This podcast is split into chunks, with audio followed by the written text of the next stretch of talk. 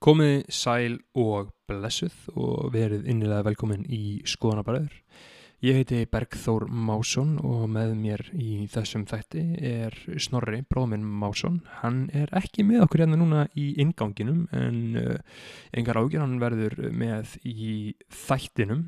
Uh, helviti góð tilbyrðing svona að uh, gera þetta einn. Snorri er uh, önnum kafinn við uh, skeggvöxt á siglu fyrði þannig að ég ákvaða að gera þetta bara einn. Áðurnum fyrir mig þettin með uh, henni frábæru fjölmiðla konu Guðrún Sólegu þá langar mig kærlusendur til þess að segja ykkur frá lítli vefsíðu sem að heitir Patreon. Patreon.com skástrík skoðanabræður uh, þannig svona fjármögnum við þáttun okkar og gera okkur klift að gera þetta. Við gefum út tvo þætta viku alltaf eitt viðtal á föstudöfum og síðan er það þriðdags þátturinn sem eru einungis inn á Patreon. Þar sem að við uh, snorri tölum um hitt og þetta bara sem að okkur þetta er í hug. Mm, það eru svona, ég held að séu 12 þættir eða eitthvað, það er inni núna. Þeir koma út alla þriðuta, málumni líðandi stundar og allt þetta.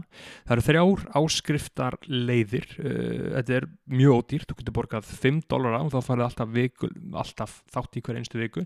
Síðan getur þú farið í aðeins betri áskrift og borgað 10 dólar og þá farið þið þá þætti og þú farið að hlusta á þættina um leið og við erum búin að klippa á og við sinna stíðin, þannig að um leiðunum búin að taka þátt að setja það inn, þannig að þú far fyrir aðgang fyrr en aðrir fyrir 10 dólar og síðan getur þú, kærlusindi, einnig farið í hérna einu sönnu áskætaleið, áskætaleið sannleiksins, áskætaleið veistlunar og það er 30 dólar áskrift, áskætaleiðin áskriftarleiðin skafaður þá færð þú, kærlusindi, allt þetta sem ég lísti áður og virðingu á nafn þitt í byrjun hvers einasta þáttar. Og þeir sem að eru í uh, þessari frábæru ásætalið, það eru þeir Benedikt Bjarnason, Björgvin Ívar, Brynjar Guðmundsson, Geoffrey Huntington Williams, Halfdán Svensson, tónlistamæðurinn Dirb, Jackie Armar Spotify og Jóhannes Haugur Jóhannesson, hann er okkar helsti styrtaræðili. Hann er eins og uh, þeir sem hafa hlustað á uh, fyrir þetta, þá er hann að borga okkur 51 dal á mánuði og það hefur verið mikil barátt að milli hans og Tandra Snæs Traustasonar. Uh, akkurat núna þá er Jóhannes að greiða inn á Patreon sjóðin 51 dólara og Tandri Snær 50, þannig að það munar það munar ekki miklu hjá þeim en því miður þá eru reglur reglur og, og Jóhannes er okkar höfuð Patreon þannig að við bara verðum að setja ekstra mikla virðingu á nafn uh, Jóhannes Haugs ég hvet uh, skoðanabræðalæðið til þess að horfa á bíómynduður hans. Uh, kannu leiki í svartur og leik. Ég bara alls konar öðrum íslenskum bíómyndum. Ég bara mæli með að fólk kynni sér hann mestara sem er að sem er okkar helst helsti stuðningsæli og þannig að hlustundu vita það er hægt að toppa hann, þið geti borga meira það er hægt að breyta þessu, en ekki stress og síðan alltaf, fyrst og náttúrulega tala með þetta þá þurfum við líka að nefna á það að uh, það kostar 250 skall að koma í þáttin, uh, sem er, hver sem er getur borgað 250 skall og fengið að koma í skoðanabæður það er bara reglur eru reglur, svona eru reglunar uh, við Það var nefnd sem að uh, skipa þessar reglur, uh, en já, við skulum halda áfram. Uh, virðing á Jóhannes Haug, Tandri Snær, leiðilt, þú setur borgar svona mikið og fara ekki virðinguna en við sittum við þessum á virðingu á því líka en aðal virðingin fer á Jóhannes Haug, Hollywoodleikara. Hlökkum til að fá því þáttinn í janúar. Og næst er það nafnlaus kvennmaður, annar, tveir nafnlausir kvennmenn í röð sem að kjósa að koma ekki undir nafni en vilja samt borgað 30-tali. Síðan er það Sverrir Jóhansson Tand, já, Tandri, við erum búin að setja verið eitthvað hann. Tandri Snæður Tröstsson Tindur Kárasson Tómas Óli Eggertsson Áskrímur Gunnarsson og síðastur en alls ekki síst þá er það Úlfur Árnarsson uh, Kærlusendur, endilega tjekkið á Patreon uh, það er bara win-win fyrir alla. Uh, síðan bara njótið uh, þáttarins og vonandi eru allir að hafa það gott á þessum indislegu tímum og þessu indislega landi sem við búum á. Uh, Guð bless ykkur og herru, áður en ég klára þá verð ég að nefna muna, sorry, ég glemdi það er gafaleikur, ef þú ert áskrifand á Patreon ef þú ert áskrifand á Patreon, eins og þetta verður áskrifand á Patreon, þá getur þú unnið uh, 10.000 krónar innegn frá forlæginu, kefti jólabækunar, kefti einhver veislu, 10.000 krónur í peningum frá auður og 6 mánuði af frýrri notkun af interneti og símaþjónustu frá 101 sambandinu. Uh, þú getur unnið þetta að það dreyja út 1. desember. Uh, Guð bless ykkur öll og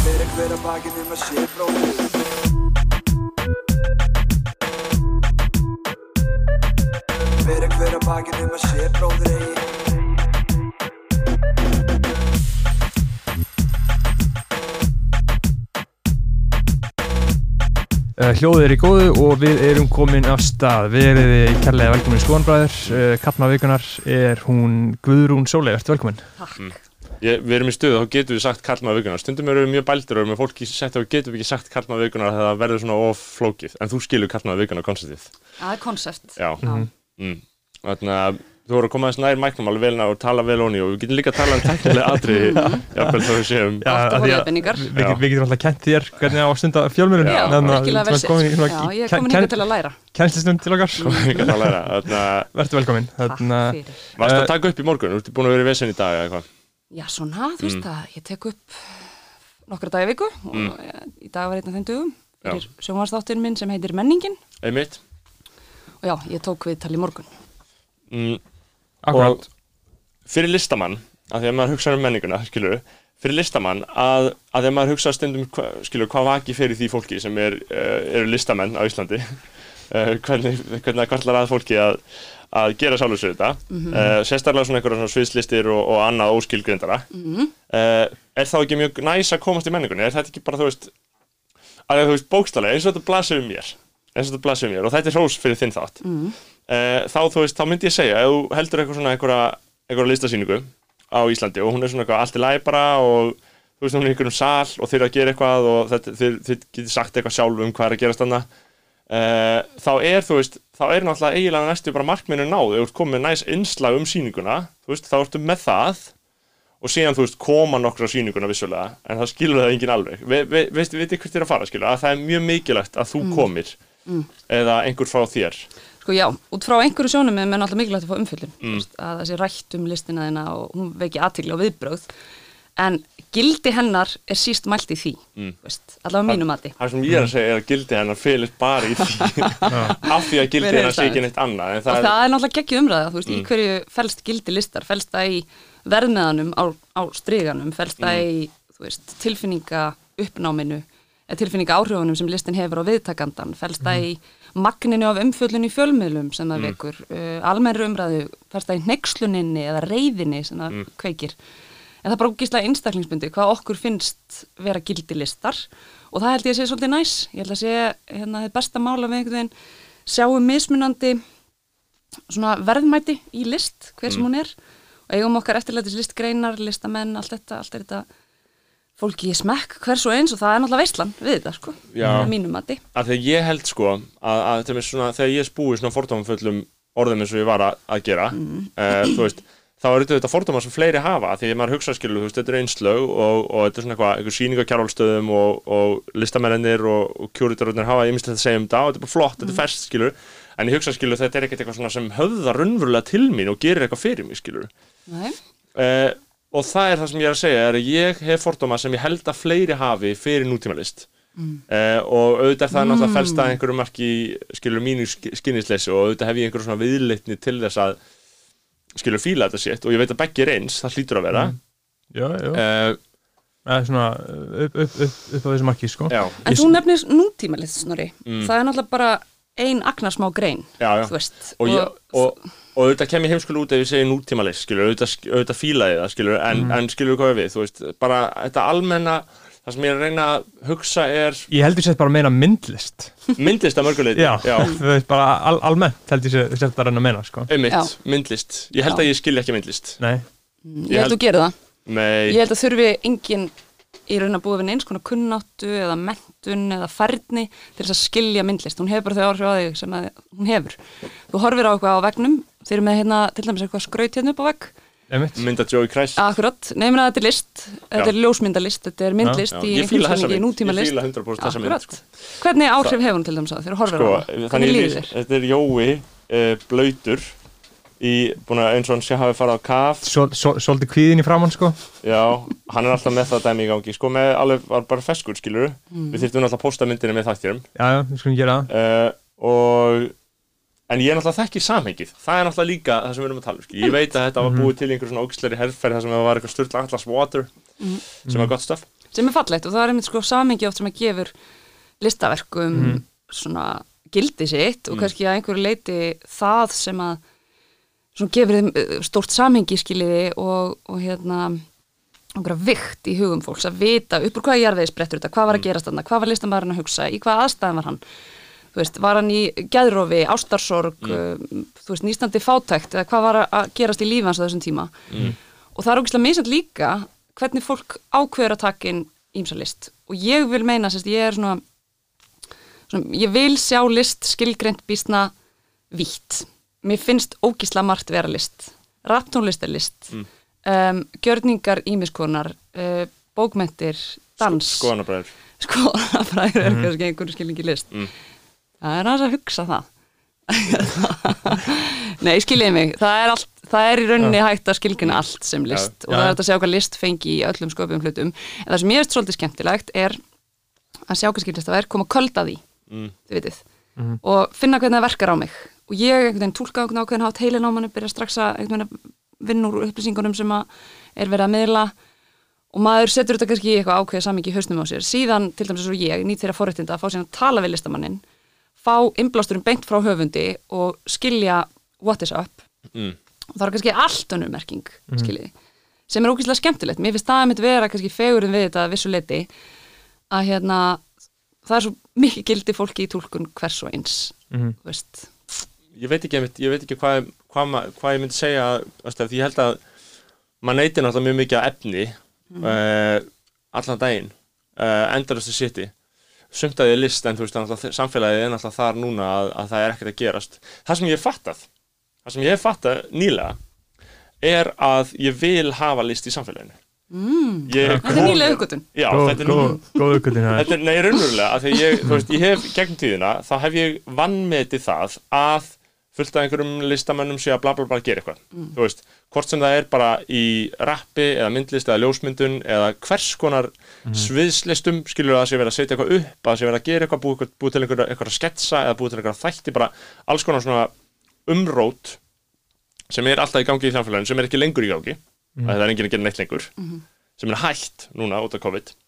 Uh, ég vil hafa þetta. Ég fattaði það allt í hennu sko af því að í gegnum tíma þá hafði ég sagt skilju já það mætti leggja alltaf í niður, ég hef lagt það til það mætti, þú veist uh, þú veist, minka bara alls konar umsvif, alls konar sviða en núna vil ég hafa allt í bl- blómstri sko. Já, hvað breytir þessu? COVID, að sjá þetta fara Já, engin veit hvað átt hefur fyrir mist hefur sko. ég, ég, það er mjög gott fyrir samfélagið að fullt að drasli sig í gangi sem þú endilega, ekkert veitir ekkert endilega aðtigli sko. einmitt, þetta er líka geðlif Já. það er svolítið tilfellið, finnst mér við Einmitt. sækjum okkur huggun og félagskap og innblástur í tónlistinu sem við hlustum á, dansinn sem við horfum á gjörningana sem við dýrkum, eitthvað svona. Að auðvitað er þetta bara til þess að létta lundina, til þess að hjálpa okkur að vera ekki þunglindu sem við ættum alltaf að vera. Að þá fer maður og hlustar á eitthvað peppandi lag þú veist, eða hérna, horfir á eitthvað skets eitthvað sem það er. Þannig að ég, að mínum að þá er það ekki síst gildið í list. Það sé ekki þessuna sem maður er svona þunglindur núna? Af því að það er ekkert, þetta er ekki lengur til. Verið sko. Það er samt, þú veist, þú getur alveg komist í hvaða content sem er skilur, þú getur hort á allt gamalt og Já, allt ég heldur séum öll sama. núna Já, já, Ég heldur séum En öll ég þunglind meina- núna því að við erum svift svo ógísla mörgu sem er neðsti, neðsta þrepi í alvöru þarfapíramítanum Mm. sem er bara félagskapur og nánd og einmitt að koma saman, njóta Já. einhvers í sammenningu Þú veist, ég sá hérna upptöku af einhverjum tónleikum þú veist, einhverjum menninganættu dóti eða mann ekki eins og hvað var í sjónarspunum daginn og það var bara svona risa þvaga af fólki fyrir framann tónleikasvið. Já. og það voru allir að syngja með. Þú veist, þetta voru í, í þúsundatali einhver Íslandingar við eitthvað dásanlegt tilefni. Og ég fekk bara svona gæsa húð Af bara að mest næst í heimi. bara svo upplifun að vera standa á tónleikagólfi og syngja með einhverju og vera hluti af þessum massa sem er að njóta einhvers í saminningu, njóta einhvers augnablik sem kemur aldrei aftur. Það er eitt af fallegasta sem ég veit. Og við erum svift þessu þessa dagana og hver veit hvort það komið nokkuð tíman aftur sem er fokkin sorglegt, þið veitir rosalega, Sorglegt rosalega, sko. rosalega sorglegt. Já, þess vegna er maður svo fucking þunglitur. Ég get mm. valla starfað af þunglitur segir hann hlægjandi Já, en þú veist, það er alltaf þunglitur er líka að finnast að segja veit um. En ég er svo þunglitur, ég get valla þunglina sko, af, af COVID-þunglitur Það er bara að hitta mig núna, skilu Ég, get, ég er auðvitað hér, við erum auðvitað að taka upp Já. þáttinn, það gengur. Aha. Og við getum mynda setningar en þá En það er bara svona, svona eiginlega aðal funksjónið sem er eftir. Það er að mynda setningar. Um, uh, Og taka góð viðtöl. Um, er þunglindi nýja kvíðin? sko, Já, að, þú veist, æ, þetta er kannski svolítið mikið hann sko, hjá, hjá Sölva Tryggva þá að tala um kvíða, við skoðum bara með tala um þunglindi. Já Sölvi tala mikið um þú- þú- kvíðan Sölvi talar ekki um neitt með kvíða Þið hafi nú rætt kvíða einu sinna til þess að gegn tíðina Jú, jú, jú, jú, jú, jú. Uh, Kvíð og þunglindi er bara heldur góð blanda sko, þú veist, sem að ég held að flesti séu að díla við á sama tíma sko. Cocktail, þetta er svo Sanas og kókain, þetta er best Já, saman já, þetta er bara gott speedball sko. Þú veist, þetta er bara svona um, Já, En, en þú Guðrún, ert þú þunglita að kvíðin okkur, eða ertu heilbrið? Ég það er alltaf engin heilbriður Nei. Mm. Ég veit ekki svona hvað það koncept er sko. en hérna, jú ég er oft með kvíða drullu og finnst ég að hafa helvítið þungt lindi Mm. en minnst minnst alltaf erfitt að, að hérna, skreita mig með þessu þunglindis konsepti sko, þegar það er svona klínist nokkuð alvarlegt vandamál. Já. en það er ekki allir að falnir við það sko. Já, já. Við höfum verið Þið að viljið útvíkka finna út konseptið þunglindi svolítið, Já, já. það er svona yfirlýst markmið. Nei, ég meina auðvitað, þú veist, eins og ég sagði áðan að það er svona kannski svona eðlilega afstæða hverjar manneski að vera fokkin þunglindsjúklingur Já, verður þess að lífið er bastl, skiljið, það er vesen að þræða sig frá einum degi til annars. Það er bara áreynsla og sorg og vombriði og alls konar shit sem að mm dynur á manneskjum. En svo inn á milli er það ógísla fallegt þú veist, mér finnst allavega að lífið stundu vera þannig að það, það ber á manni konstantli og svo eitt góðan við þetta að færið svona ljúfa stróku og svo halda barsmiðarnar áfram já. en þú lifir fyrir ljúfu strókunar Það er svo góð moment til maður gleymi þunglindi sinni í smá stund skilur. eins og ég gæri, ég, ég horfði á þrjá sopranostætti í röð Já. og fattaði bara, vá, ég tekki pásu eins og ég gerði ekki neitt, ég bara glemdi lífinu fullkomlega Mm. og bara Fallegt. sogaðist inn í list, góða heiminn sko. Mm. Já. þetta er list en auðvitað er náttúrulega fráleitt að ég sé kvart yfir þunglindi og kvíða ég er í svo mikill fórhundastöðu, svona alveg halda því til haga, Mm. að ég hef ógeðslega margt til þess að vera kátukrakki og þakklátt fyrir og hef ekki undan nokkrum sköpum hluta kvarta, ég vil alveg að það sé Það fullkomlega sama hreinu, gildir um okkur, sko, við erum á fínum stað. Já, það svo, sé svo hljó, sannarlega við sem sko. smá forréttinda dicks að vera kvart undan því hvað við höfum bátt hérna. Mm. þannig að En þetta er það sem þarna Þetta er þarna uh, Þetta er það sem Halldór Ármann, minn ágætti vinnur er að tala um í sinni nýju bók. Já, Þarna, hann, hann, hann skrifar hann skrifar uh, að við séum skilur að, að þetta norræna dæmi og það er náttúrulega endalist klifað á sko, Scandinavian pain og það er náttúrulega bla bla bla.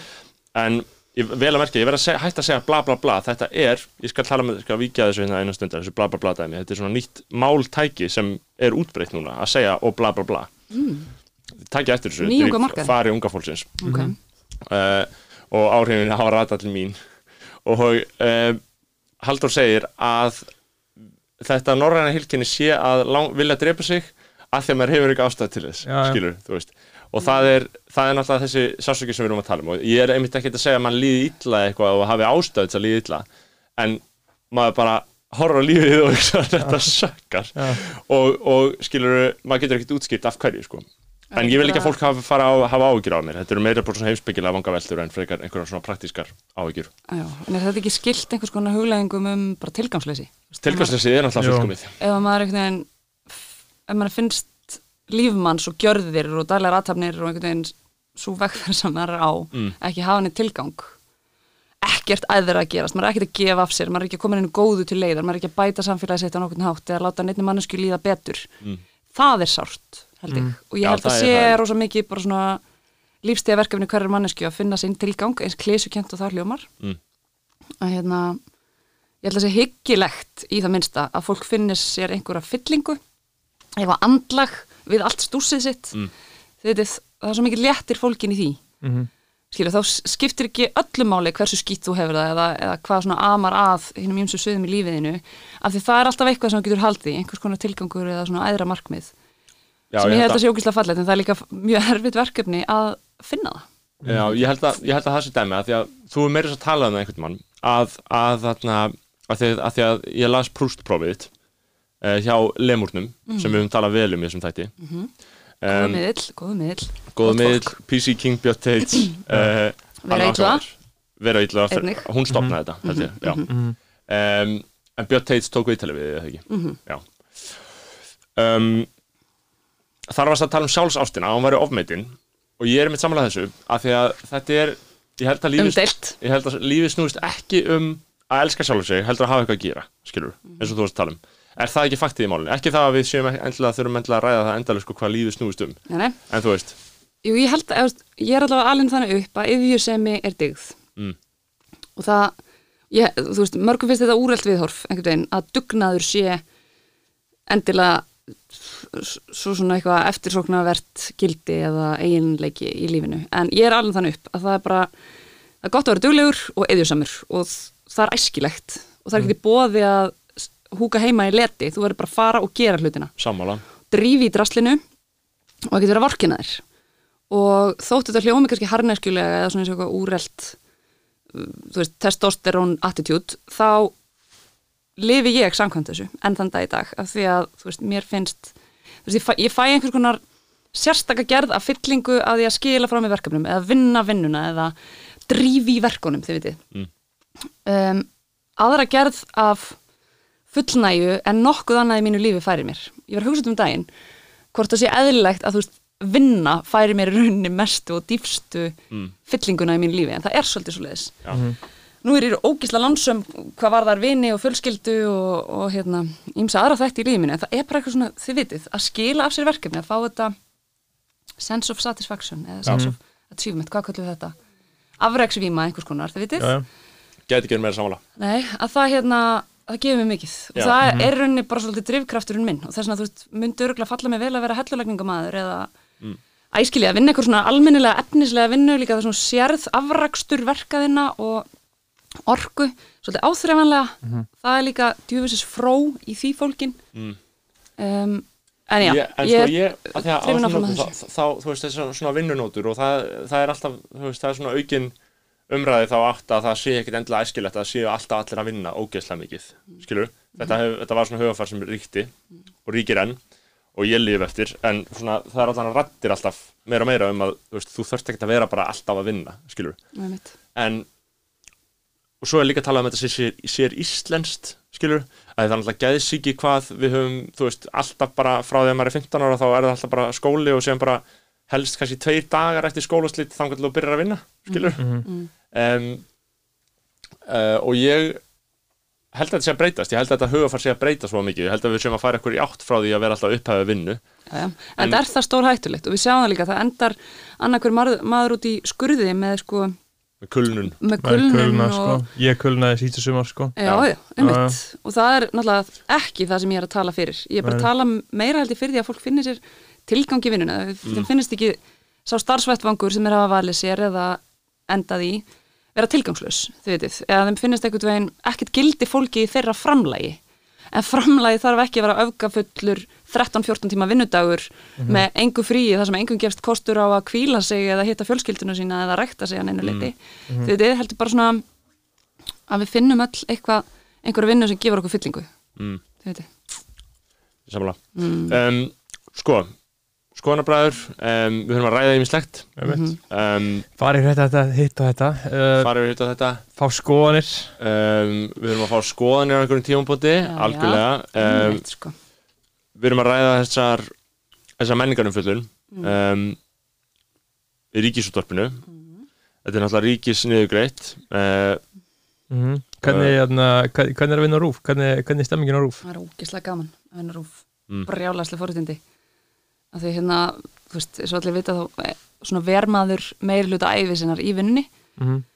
og mér finnst skipta ógislega miklu máli bara þegar maður velur sér námskrein þegar maður velur sér feril eða smíða draumana sína í skóla eða þegar maður er yngri að maður velti aðeins fyrir sér því félagslega samingi sem maður er að letra sig inn í Mm. með vali á atvinnugrein eða námi þú veist, vil ég vinna ekki bara við þetta starf skilur Mhm. eða þessi verkefni heldur, þú veist, inn í hvaða hóp er ég að letra mig? Og hvað það snertir er ég ógeðslega heppin. En þess að ég er að vinna með svo flottu fólki og svo ótrúlega fjölbreytum hópi fólk sem er svo innblásið og drifið og skemmtilegt og fyndið. Þannig að þetta, þetta er í alvörunni þannig að ég hlakka til að fara í vinnun á hverju mótni Já, sem eru bara í alvörunni mestu forréttindi sem ég get ímynda mér. Af því að þú veist, samræðunar ég sökker fyrir geggjum samræðum. Það er að besta sem ég veit, er að lenda þið veitir í svona samtali, það sem ég liður sér þurfa að vera á tánum, þú veist, ég þarf virkilega að hugsa um næsta framlega til samræðanana þú veist, það er eitthvað svona svona quick og sharp back and forth, svo þetta er alveg fallega íslensku, þið veitir hvað við, svona æ, þessi skemmtilegi tennisleikur sem gott samtal getur verið. Já, sem maður lendir í svona einu svona ári. Akkurat, en í mínu tilfelli þá er það nefnilega eiginlega meira kannski eins og tvis á dag. Bara við kaffevélina, þú veist, inn á klósti við ljósitunarvélina, hvernig sem það er. Ég mikið ljósita í vinnunni. Rentaran Nei, þið veitir hvað ég við, ég, bara, ég er svo ókíslega heppin. Við erum svo geggjum félagskap sem veitir mér svo mikla fyllingu. Og, og hérna tóða mig burtu frá hildýpi þunglindisins og allt þetta að ég er brjálast af þakklátt fyrir það. Og þú veist, væri til í að leggja á mig nánast einmitt, hvaða lengda vinnudegja, er til þess að njóta þessar forréttinda áfram. Og já, þannig að svarið er, það er ógeðslega gaman að vinnuprúf en það hef ég verið í, þú veist ég held að ég hafi tekið samandaginn, ég held að ég verið fimm deildum held ég upp á ríkisúðarpi, ég fengi að prófa ógeðslega margt og það er líka kannski kosturinn við að vera að vinna hjá svona stórri stopnun með svona fjölbreyta starfsemi og það er tækifæri að gera allan fjandan Mhm. þú veist, og ég fengi að vinna við alls konar miðla og, og hérna fengi að prófa mig áfram í öllum fjandanum, ég kom inn í gegn fréttastofuna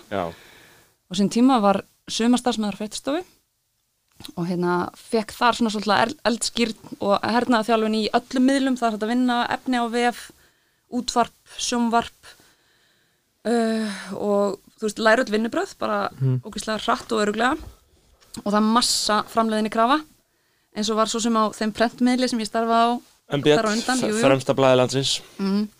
ég var á mokkanum áður en ég fór á rús en hérna, þannig ég var vöndi í skilju og þurfa að skila afkostum Já. Og eins og ég var að segja áðan þá er það eitthvað sem ég fæ svolítið kikk út úr. Mér finnst gaman að framleiða hluti og skila mér einhverju afurð sem ég verð samt að vera stolt af og ég verð að, að alltaf að vanda til verka af því að þú veist, mínar afurður eru til sínis þær eru áheyranlegar og sjáanlegar. Þannig að það er einn fokkin gott að ég vandi mig. Það er aldrei viðbjóðstilfinning af því að ég fæ svo oft viðbjóðstilfinning af því að afurðna manns séu þarna. Jú, Það er svona viðbjóðstilfinningu til þess að ekki skoðana bara þetta Ég fæ viðbúrstilfringu þegar ég frétta að fólk hefur skoðanir á því og Já. sé eitthvað að greina það, skilur og sé eitthvað að hugsa um mig í einhvers eitthvað svona samhengi og dæma mig skilur hvað ég meina þegar, þegar ég fæ að heyra eitthvað svona svoleiðis greiningar þá fæ ég lítinn kvíðasting í bringuna sko. Mm. mm. það er náttúrulega ókveikjandi eðli þessari vinnu, 100% það er ekkit allra að búa til verk sem eru síðan lögðum til dóm þjóðarinnar og kannski sérstaklega í mínu tilfelli og þeirra sem eru að vinna á ríkistofnunum þá er auðvitað bara miklu ríkari krafa um að við séum ekki að gerast segum einhvers konar óvöndu vinnubröð eða hlutdrækni Mm. við verðum bara að skila okkur góðum, vöndum afurðum, verðum að vinna fyrir peningunum sem að þjóðin skaffar okkur og skila af okkur einhverju sem að er á pari veist, og mætir gæðakröfum. Þannig að, og ég er stöðugt hýper meðvituð um þetta. Mm. Ég veit að það er alltaf eitthvað undir. Allt sem ég skila að mér, hvort sem það er frétt þegar ég var á fréttastofunni eða morgun þáttur þegar ég var á morgunútvarpinu eða hvernig sem það er, þá veit ég að það er, það er æra einhvers eða allavega hagsmunir draumar, tilfinningar, hvernig sem það er sem að liggja undir. Og það eru líka hagsmunir þjóðarinnar og viðtakenda sem að liggja líka undir. Þannig ég verð bara að drullast til þess að taka tillit til allra aðila sem að hluti eða máli það er, það er Og vanda mig. það er svo fyndið með þetta skilja, það, það er svo margt í húfi af því að þú veist, fólk fer í þú veist, bara eitthvað, eitthvað venlegt fólk fer kannski í fjölmiðla viðtal nokkur sem á æfisinni skilur, þrísvar sinnum á æfisinni eða e, þrísvar sinnum á ári eða whatever, að sömi fara kannski einu sinni viku.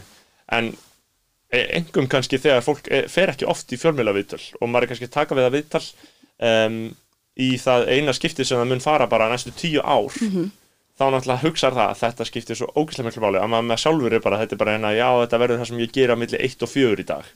Bara þetta dæmi, skilur, og síðan bara skilja þessu frá mér og fer heim á vinninni en það er svo, þetta er svo þú veist, það er svo mikil gjá á milli þess svægis sem ég veiti þessu og viðmælandin þannig að það er mitt æskilegt að hafa þetta höfafar sem þú hefur. Já, og Að- þetta skilur maður samt að þegar að maður er í, þú veist, vinnur í því landslægi sem ríkir í flestum íslenskum fjölmiðlum, það er bara brjálæslega undir mönnun, engin peningur, endalist kaplöpu tíman, uh, gengt þessari greiðlu framleiðinu kröfu Mm.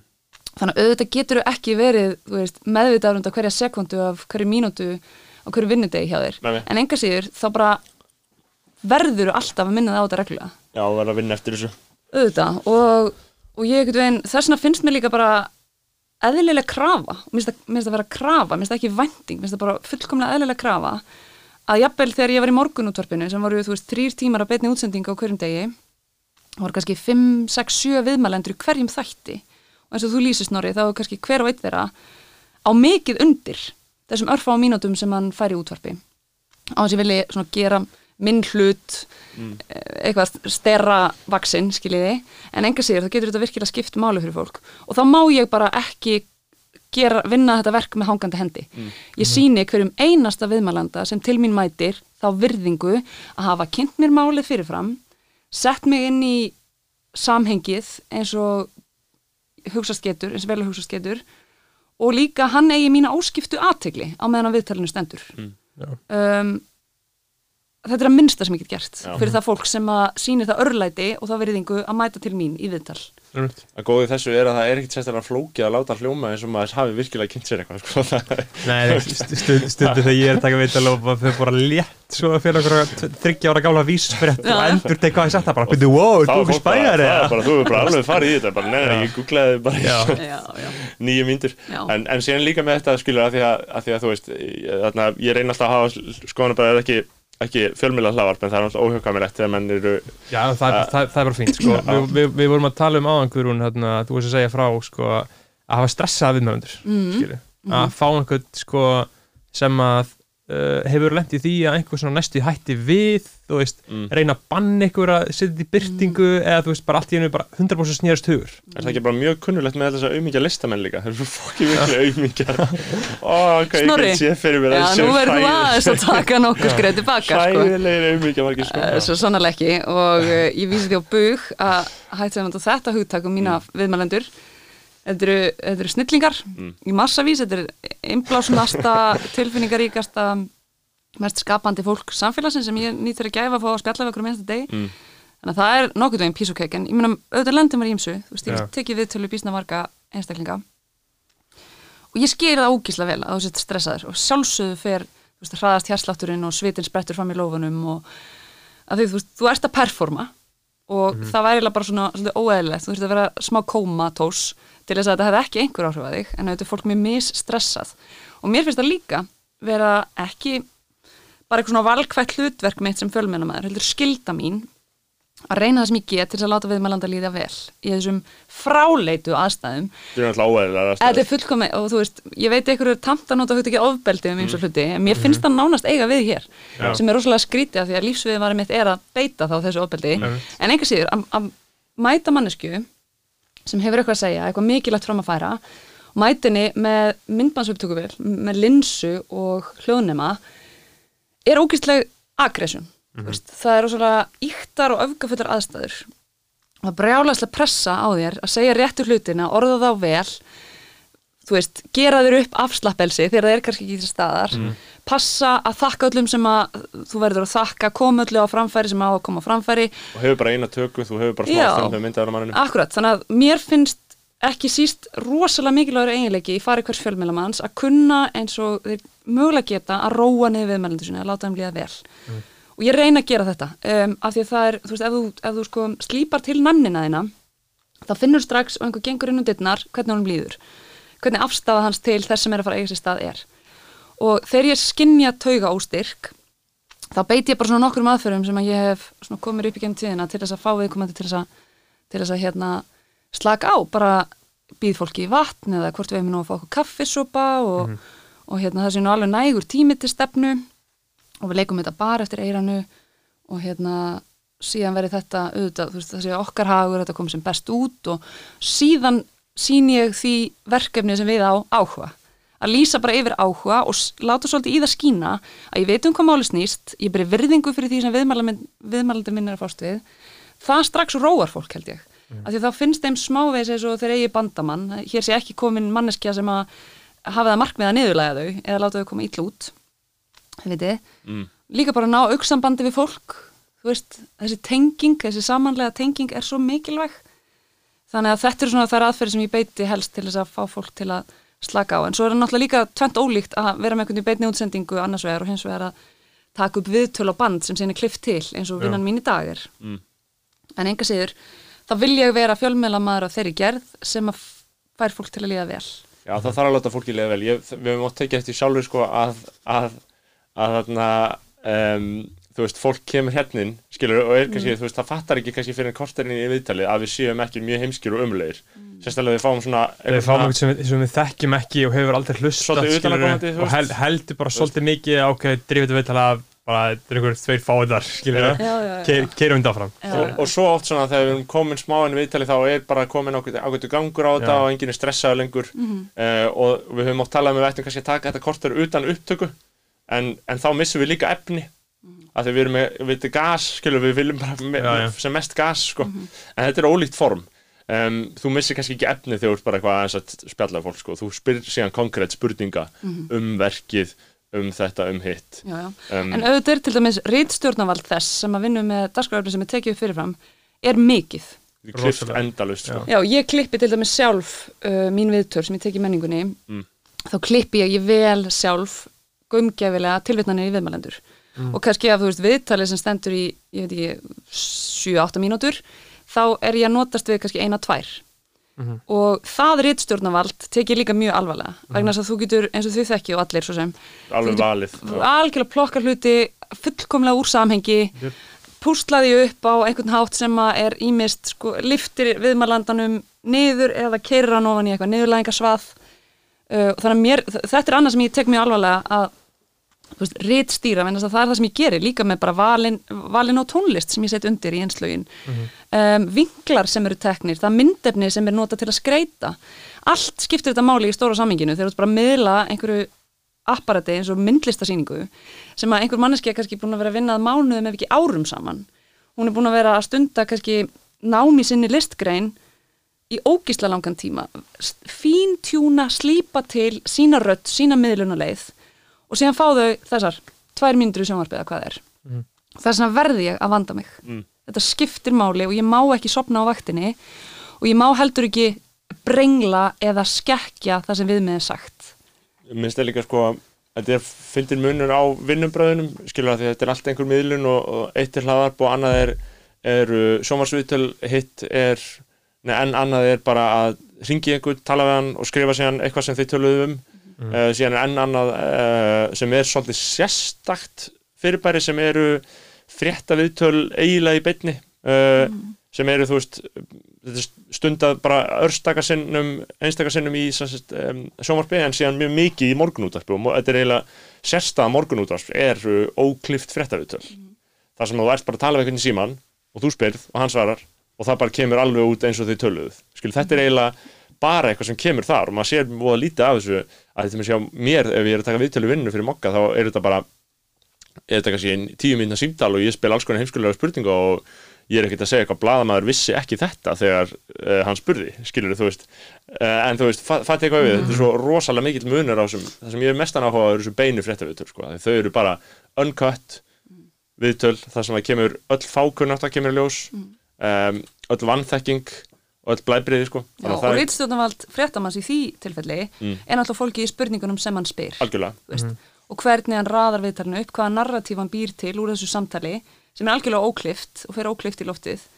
En þar getur einhvern veginn þú veist, það er þín helsta stjórn af viðtalinu eða því sem á sér stað er í, fólki í spurningavali og bara orðalagi, hvaða orð velur í spurningarna þeinar, hvernig Já. kýstu að leiða þetta áfram eða draga fram þar sem þú ert að falast eftir það er eitthvað. gott að hafa góða útvarsmenn það var, það var ógeðslega fyndið einhvern veginn daginn. Það var Sigmar í morgunútvarpinu. Uh, kongurinn hann var að tala um þarna, hann var að tala um einhvern gaur sem vinnur hjá CCP og þeir eru með þetta Eve Brund online. Uh, þarna sæði online. Það Já, er já. þarna leikurinn sem þið framlega uh, og hann var eitthvað svona og það var, hann var að tala um sérst gaurinn, hann var að tala um að, að fólk læri viðskipti þarna þú veist, þú Í- lærir í, í í Eve. online. Að þú ert, þetta eru eiginlega viðskipti og þú ert bara með alvöru peninga í raun og veru sem, sem eru jafngildi alvöru peninga sko, og þú getur bara að selja einhverja, ég veit ekki fucking gameskip eða eitthvað. Um, og, og þetta er svo mikið business og, og þessi EVE Online gaur var að segja, maður í viðtalinu að, sagt, að einhver, hann hefði fengið eitthvað bref frá einhverjum spilara sem hefði verið svo mikið að spila og hefði síðan endað á sko að nota þekkinguna í að stopna sitt eigið fyrirtæki og væri komið svona eitthvað stort hlutabrifa fyrirtæki eða sjóði eða eitthvað og væri bara orðin mjög ríkur. Og þetta væri allt sko bara og hann væri bara orðin, þú veist, væri búin að græða 100 miljónu dollara eða eitthvað. Og þetta væri allt sagt bara út af í þekkingunni. Og Sigmar var eitthvað svona já, já, þetta, ég verð nú að segja þetta er hljóman bara eins og lesa. Og og Gaurin var bara eitthvað uh, nei, nei, þetta er satt bara Sigmar bara, já, þetta er bara, maður bara trúir þess ekki sko, ekki alveg sko. Og, og, og það var svo ógeðslega tens og óþægild og Sigmar Já. gerir þetta alltaf, þú veist, maður maður er oft bara eitthvað, óh, hvernig getur hann sagt þetta sko, en það er hugur ekki sem þarf Sigmar er king. Hann er king. Já. Já, það er mjög Uh, gott að kolla svona út sko. að þetta hljómar eins og Já. mikið lesa. Það, ég hugsaði allan tíman í útvarpróf þetta er svo mikið kjaftaði, þú veist, auðvitað getur hann sagt þetta, skilur, Já. en síðan tók sig og, og þá var viðtalið mitt búið. Þetta hljómar eins og lesa en við erum bara búinir svona, þú veist, Já, bara, ég verð bara að setja smá virðingu á Sigmar Guðmundsson sko, fyrst ég er hér. Já, endilega. Uh, Ég vann með honum í tvö ár. Þú veist, í, í vinnuaðstæðum sem eru pínu fókt Við erum mætt í vinnu kl. 5.30 á mótana Mm. Fórum í loftið 6.50 að rétt. Og er hérna þið mætt 5.30 Já, Nei, maður, þarf, maður þarf að leggja upp útsendinguna maður þarf að, þú veist móka alls konar uppsýngum inn í kerfi og tölfur, Já. ræs allt upp. Maður þarf að eiga samtal við næturvægt mann á fréttastofu, maður þarf að ringja nokkuð símtöl og þetta og eitt, sko. En allavega, og maður er bara súr á mótnana maður er nývaknaður, einhvern veginn svolítið berskjaldaður og glataður krumpaður. Og það er ekki fyrir hvert sem er að vinna þessa vinnu og það er líka, það skiptir ógisla miklu máli hvernig félagskap þú ert. Mm. og vinna með Simma þessi tvö ár var bara draumur, það var dásanlegt sko. Af því að hann er fagmaður í fram í fingugóma ógislega vandaðu náungi með hjarta á réttum stað, eldklár og allt það. Uh, og það voru bara forréttnið að vinna með honum. Ég lærði geðveikt mikið á honum og okkar samstarf var, var frábært, þannig að mér langaði bara að setja smá virðing á nafni eðlilega, hann er king mm Flo, Flott í þetta hjá honum á rúf núna. Já. Þannig að villarsetnir. Mm. það er líka smá gas, Já, ég, rekk. Ég, ég, ég hlusta alltaf á það sko þarna, uh, í hlaðarpsformi mm. Og náttúrulega nýjasta, vísind, eh, nýjasta tekn og vísindi Já, uh, part 2 alltaf sé ekki svolítið mikið að gera á greiðinu, það er með morgunúttarpi og allt þetta sitt mm. kannski erum við ekki vorkun, ég veit ekki. Það er álaf á honum en hann stendur undir þessu. Mm. hann stendur undir þessu, en þú er náttúrulega líka starfsmaður ríkis útvarsins, Snorri, við meðum ekki glemma því. Krakka fréttum. Já, mm. En nei, ég er ekki starfsmaður ríkisúsins en jú, ég vissulega hef stíði fætað þeim fyrir uh, sem er fínt, krakkafréttir eru epís batteri, sko. Já, já. Og þú þarf að fræða þess að krakka um handritin Já, já, ég meina, en þú veist, þar, þar horfum maður alltaf líka í göpni sér og hugsa hvað maður að gera, þú veist, hef, hefur líf mitt einhver tilgang, akkur er ég að þessar jörð, sko? Um, en ég meina, þú veist, ég hugsa það líka með skoðanabræður og allt annað sem ég gerir, sko, en það er kannski einhvert, eilíðar ástand, sko. Þú Já, finnur þinn tilgang að lokum ég er alveg vissu, vengar ákjörði Einn daginn, það lítið að koma. Ég, ég við höfum held- trú, Bergþór Já, já, já, já.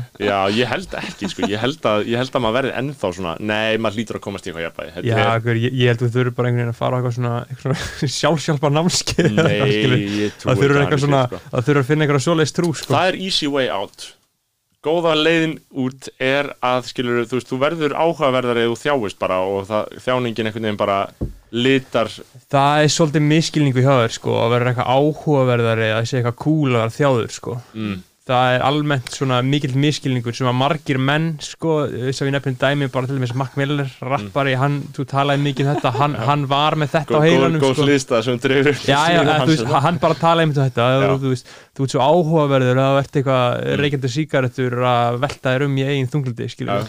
það En- er samt mjög satt eða, þjáningin er mjög upphafin Já, og það er pæling hvort að þessi upphafning af þjáningunni endalust sé réttlætanleg einmitt, þú veist um, ég held að sé samt sko að því það er óhjákvæmlegt að þjást. Já, já. Þannig að er kannski ágætt að bara svona sætta sig við það einhverju leiti en maður má svolítið aldrei gefast upp á því. Já, og kannski ekki reyna að gera svona kannski part af brandinu þínu einhvern veginn, Mm. skilur þú veist, að vera svona Það er kannski hættulegt að maður gerir það. Þunglindi sjúklingur sko. þjáður listamæður eitthvað. Ég meina til dæmis, þú veist, rapparar tökum það sem dæmi, þeir verða að vera svolítið þjáðir.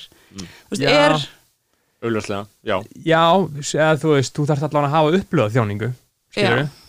veist, það er uh, voða lítil uh, rapptólist sem frá mönnum sem hafa aldrei upplöðað þjáningu, það hafa allir upplöðað þjáningu, skilur já, en síðan gerist það ef að menn verða svona super hamingisamir að þá verður listin oft svolítið léleg að Mm. áða til, skilur En eins og rapparar, eða því við tölum um rappara Mhm. og við erum að tala um rúf uh, þeim eru engin skilgerð á ríkisúttarpinu, ekki nokkur. Jú, vissulega einhver, en engin raunveruleg skil. Nei, ég myndi ekki segja það. Ég meina, ég, af því að ég, veist, ég fyrirgef ykkur alveg ég fyrirgef það. Mhm. ég, ég, ég, ég hef raunverulega trú á því að stofnun eins og ríkisvaldvarfi eða eining eins og útvarp, eða, sest, útvarp á vegum ríkisvalds geti aldrei farið að gera rappi almennlega skil.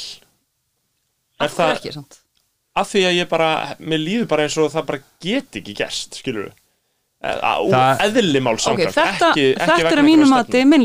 Veist, þetta er að mínu mati bara hugsana villa. Mm. Af því ég er sjálf bara algjör rapp hundur og hef verið bara allar minna æfi veist, ég, ég, veist, uh, íslenska rappsinnan hefur verið eitt af mínum kannski, svona, svona í alveg tala stærstu og mestu áhugamálum. Mhm. og ég er svona textafjess veit, ég, ég heyri eiginlega bara texta í tónlist sem ég hlusta á. Og frá því að ég var bara lítið stelpa, svona 11-12 ára þegar ég kveikti á okkur svona rappmúsík.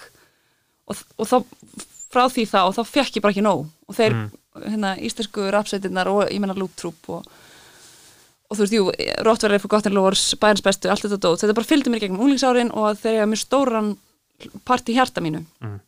Og hérna þannig að mér finnst þetta að vera mjög mikilvægt listform. Þetta er nútíma ljóðlist af margra mati uh, og við höfum líka séð sko ljóðskáld og merkilega höfunda, textahöfunda stíði sín fyrstu skref á sveiði raps og þetta er ekki hendurleika yfirlýsing akkur þér Bergþór. Nei, nei, nei, nei. en hérna en auðvitað á þá að gera þessum anga menningarinnar skil í ríkismiðlinum það segir sér sjálft. Það á, Já. það er kannski það er hægt að tala um að eigi að gera en það Já, er, en ykkur finnst það ekki raunin. Mm, og jú, jú, það er kannski að taka undir það en ég vil samt meina að á svona fræðilegum viðtaknum rásar eitt fórsendum hafi nú verið fjallað um stóru, lestin, lestin, já, lestin stendu góð. vatnina já, já. lestin stenduvattina já, hún hefur, hún sýnir mikla viðleitni. Já, ég ég er kannski að tala um svo erum við rótsaran á kantinum.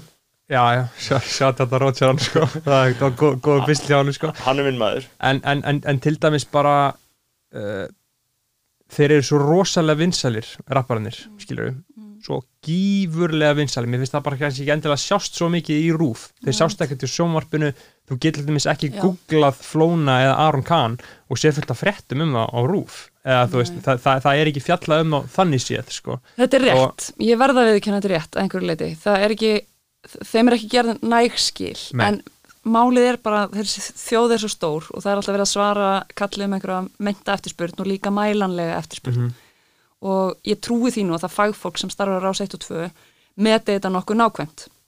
Þetta er þá bara einhver stefna sem er tekin í takt við hlustunatölur á lög og, og Mm. þú veist, mismandi tegundi tónlistar. Já, já, og svo erum En- við náttúrulega, þú veist, það var reynd að fara að stað með Rúf 0 og Rúf 0 er ennþá í gangi en Rúf 0 er samt ennþá ekki að þú veist, skila mér neinu. Nei, nei, Er rapp- ekki- rapp- rapp- rappabari Já. þegar við erum að Allir það menn, það allir mál það, 100%, það, það var 100%, frá, það var frá, frábær. frábær serja en síðan þá hefur ekkert gerst. En á sama tíma erum við líka alltaf að segja að það sé ekkert að gerast í rapsinu hvað sem er einmitt núna. Þannig að þú veist, þetta er alltaf og, og ég, þú veist, að því hún er döið út af COVID en ég, ég held samt líka að, að því að auðvitað felli í einhverja gildur sem ég hata þegar fólk gerir þegar maður er að segja að sé ekki næg umfjöllun um eitthvað, skilur Já, já. í fyrsta lagi ef að maður myndi vilja að ríkisúttarpi myndi fara að gera eitthvað um rap, skilur þá ætti þú bara að fara til ríkisúttarpinsberð og bara fara að fjalla um rap þar, skilur Mhm. þeir myndu örgulega taka við þér fyrir þannig að það er verið að skera niður uh, og reykalla, en þú veist á næsta ári eða eitthvað, þá getur við skoða það þannig ég meðist frekar að fólki að taka málinni eigin hendur en að, en að segja alltaf sko, ég þól ekki svona, það er ekki næg umfjöllun sko. og á sama tíma verður menningin menningin með greini uh, uh, þinn þáttur, hún verður náttúrulega auðvitað óhjákamilega að leika meira uh, stíluð inn á bara það sem hefur í hefðbundum skilningi verið fjalla um sem menningu sem eru leikhús og list og, og Já, en við verðum að passa okkur ógæslega mikið að festast ekki því. Já, einhver svona hérna, það er rosalega mikil hætt á að einhver það. viðtekni, viðtekinni skilgreiningu á því hvað menning er. Mm. það er náttúrulega bara ekki til veist, og við verðum að standa þá vakt að fatta að menning er ekki einvörðungu þótt hún sé það vissulega í tilfelli Sinfoniljónstar Íslands uh, stóru sapnana, stóru leikhúsana og allt þetta sem er viðtekið á sér langa sögur kannski ríkistyrta einhverju leiti við verðum að hafa breyðari fókus en svo. Það er ógeðslega margt geggjað að gerast í grasótinni og svona út úr radarnum á Íslandi. Og ég hef lagt mig mjög mikið fram í mínum störfum við að þefa uppi akkurat það. Eitthvað sem að kannski myndi ekki fljúa inn á radarinn hjá manni af því það hefur ekki ennþá ratað í stóru menningastofnaninnar og þá var ég bara viðkjöna á mig þá sök, þá ábyrð að hafa vannrækt rapsenuna á Íslandi einhverju leiti en, hérna, en svo er það líka annað að val á viðmælendum val á þeim sem kom í þáttin og fá tjá sig eða eða, hérna, hafa eitthvað málun að segja er að einhverju, það verður líka að vera breytt í því. Það má ekki bara taka einhvern ógislega þröngan aldurshóp sem fæst í ógislega þröngar listgreinar sem býra ógislega þröngu svæði skiljið, við verðum líka það er okkar skilda sem ríkismiðill í 14. sinn í þessu viðtali að hérna sinna því. Við verðum að dreifa bæði landfræðilega, hvað aldursbil varðar, mentun, bakurinn listgreinar, allt þetta. Þá vakt verðum við líka standa. Það má ekki skilja út undan skiljið mm, Já, akkurat, það er svona kannski það sem er pyrrandi við Já, og það er líka alveg, þú veist, ég hef lendið í nokkur sinnum af því ég stýri ekki bara menningunni á rúf, ég hef verið með hérna, er með þætti sem heitir hérna, Lestaklefin og svo var ég með dansþætti sem heitir Sporið. Þannig ég tala með þessi margar listamenn og, og hérna, það er mjög merkilegt sko, að sjá viðbröðun þegar ég fæ viðmælendur í yngri kantinum til mín að þau viðbröð eru stundum svolítið skrautleg við þeirri íslensku sem er töluð og, og sá tjáningamáti sem að unga kynsluðin hefur Mm. hann fellur stundum í hansi grítan í jarðveg hjá svona kannski eldri hlustendum Já. þessara meðla sem vilja heyra einhvers konar annars konar íslensku talaða Þetta er mjög áhugavert, af því Já. þetta er breyting sem um, já, þetta er breyting sem uh, ég held að geti orðið af því að það er komin gjá og ég, ég held að gjáin sé að stækka ef eitthvað er en þú veist, hún, hún óhjákvæmilega verið brúið. En það er komin gjá á milli þess tungumál sem er talað í ríkisútarpinu sem er bara uh, klift á skorin íslenska helst eins og hún stendur í bókum og um, Er, er að tala þannig í hverjum einstu útastætti? Nei, Öllu sem að er? Nei, og það er ekki ég, ég get votta það að það er mikil meðvitundu frá um það að sem fjölbreytust íslenska fái að heyrast. Já, það, það, ætti að vera, að vera stefna af því að auðvitað því við eigum að representa þjóðina við erum fulltrúarinnar þannig að auðvitað eiga öll afbriði af íslensku að heyrast í, í okkar miðlum. Já, líka bara af málvernduna svona við af því að við viljum ekki gera íslensku að einhverju svona viðkvæmu dæmi sem ekki þóra að tala af því að þú veist, svona dæmi, þú veist, ef einhver, ef einhver kemur í útvarp og þú veist, hann, hann er, er um, þjakaður af þáfallsneið og uh, en sem að lesa reynda líka bara í dagblöðum, ég meina það er allir við þáfallsneið en hvers, hvers, eða nýja þólmyndin það var, það var að skuttla mér, Það var var, það var lamið eða hvernig sem það er. Um, hann fer að segja þetta og fær bara yfir sig bara grjót skriðu af sífinningum um, þá er það náttúrulega bara ekki bara slæmt fyrir þann greiði einstakling heldur er það slæmt sko að öll slík atvik þau fæla fólk bara frá tungumálinu sko. Uh, þannig að það er ógsla Já, ég, ef ég var að heðaleg, þá er ég ógislega svona ringluð í þessu sjálf, af því ég er fasisti þegar það kemur á íslensku. Ég er eiginlega bara afturhaldsinni, ég er mjög íhaldsum og ég vil, veist, ég fyrir mína parta prívat og persónulega hef smekk fyrir fornaldar íslensku. Ég tala sjálfur svo viðrinni og hef gert frá því að barna, því ég er alveg upp af gömlum foreldrum. Og en á mínu heimila var töluð þessi gerð íslensku sem ég tala í dag. En ég ger mig grein fyrir því að, að þú veist, auðvitað er, er sko, beitingin á tungumálinu jafn ólík og við erum mörg. Og fólk kemur og fólk slettir og fólk fer rámt með eða mitt er með þáufalls neigð Mm. eh, og alls konar svona skraut og, og tilbreyði við íslenskuna sem að maður á að kunna að fagna einhverju leiti en þú veist, ég hugsa að þetta sé bara það sem ég er að svona, helst vil sjá er bara að fólk allavega vandi sig, hvaða tungumál sem þú tala hvaða afbreyði íslensku sem þú notast við að þú svolítið vandir þig. Og, og þú veist, ég er líka algjör sokkir fyrir svona fjölbreyttri, fjölskrúður auður í íslensku. Mér skama þegar fólk notar allt það geggjaða róf af orðum og fyrirbreyðum sem íslenska er. Þú veist, mér þykir ég alveg núkslega vænt um þetta tungumál. Nú hljóma eins og eitthvað svona agalegur þjóðurindis fasisti. Það verður bara svo að vera. Um, en á sama tíma þá sín ég því verðingu og auðvitað samþykki, þótt að sé ekki mitt hlutverk að gera það, uh, að yngri kynslu tala aðra gerð af þessu tungumáli. Þannig að auðvitað ver ég mína viðmælendur með kjáft og klóm þegar einhver mætir þeim og gaggrinir harkalega og ósangjant einhvern fyrir að sletta eða tala vittlust eða beigja rámt eða hvernig það er. Mm. Og ég meina þú veist það var um, nokkuð nýlegt dæmi, skiljum viðmælanda sem er af yngri kynsluðan sem kom og sletti mikið, þú veist, og talaði bara þá íslensku sem að þú fólk af hans Ja, vestur íslensku. sauðahúsi og, og ég fekk yfir mig mikinn reyðilestur og margar aðtóðsendir og bref og símtöl og þetta. Og, og ég varði viðkomandi. Ég saði bara, þú veist, þetta er fulltrúi af hverjans hóps í samfélagin okkar. Þeirra rödd á að fára að heyrast eins og annara og við verðum að unna við það við, við getum ekki haft túlk sem að þýðir yfir á gullaldar íslensku til þess að mæta kröfum þess afmarkaða hóps líka. Það eru líka bara einhverjum auðmingjar sem get ekki heyrt mismundi blæbreyði skilur og þó að maður auðvitað skilur getið hlusta á útvarpinu og hugsa, ó, hvað þetta er hræðilegt að hlusta á þetta. Uh, stundum. Uh, Mér finnst það bara að sko, fyrir eftir bara hvernig að því að þú veist, held að vandamáli er að fólk notar 50-50 í ennsku já, eins og ég bara sagði þarna 50-50 Ah. skilur, uh, helming ennsku, helming íslensku Mér finnst það bara eftir sko, algjörlega hvernig það er þú notar ennskuna þú gerir það á fyndin hátt sko. Já, já. ef þú Já. gerir það á Já, skemmtilega það frumlegan hátt skapandi í því, þú að að- að nota eins og ég og marga vinni sem eru vestur íslenskir Já, skilur, já, sem, að bara, sem að tala bara uh, mjög mikla ensku. Mhm. Og það, þú veist, og þeir neyta ekki ís, íslensk efnis skilur.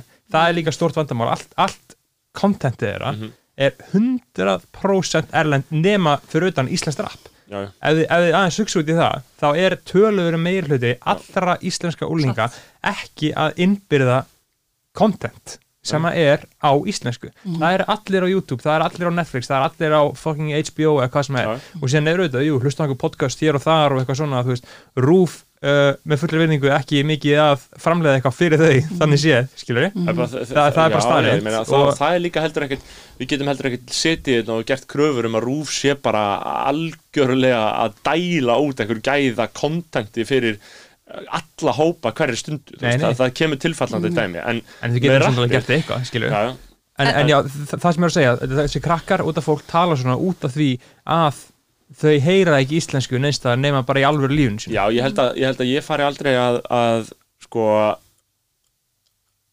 grubla yfir einhverju svona dæmi nema það sé bara ekkert nærandi að hlusta viðkomandi af því að hann getur ekki komið frá sér mm.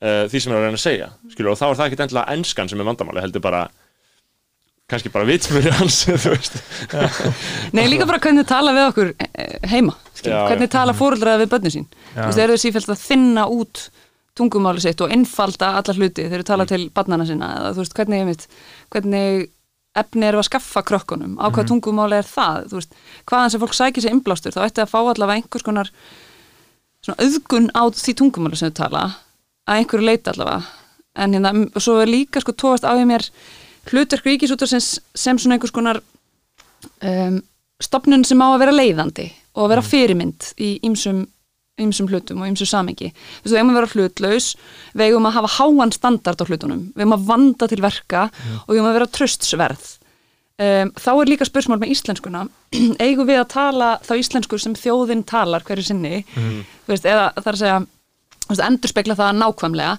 Eða eigum að fara fram með góðu fordæmi og tala íslensku sem að aðri geta þá kannski lært af.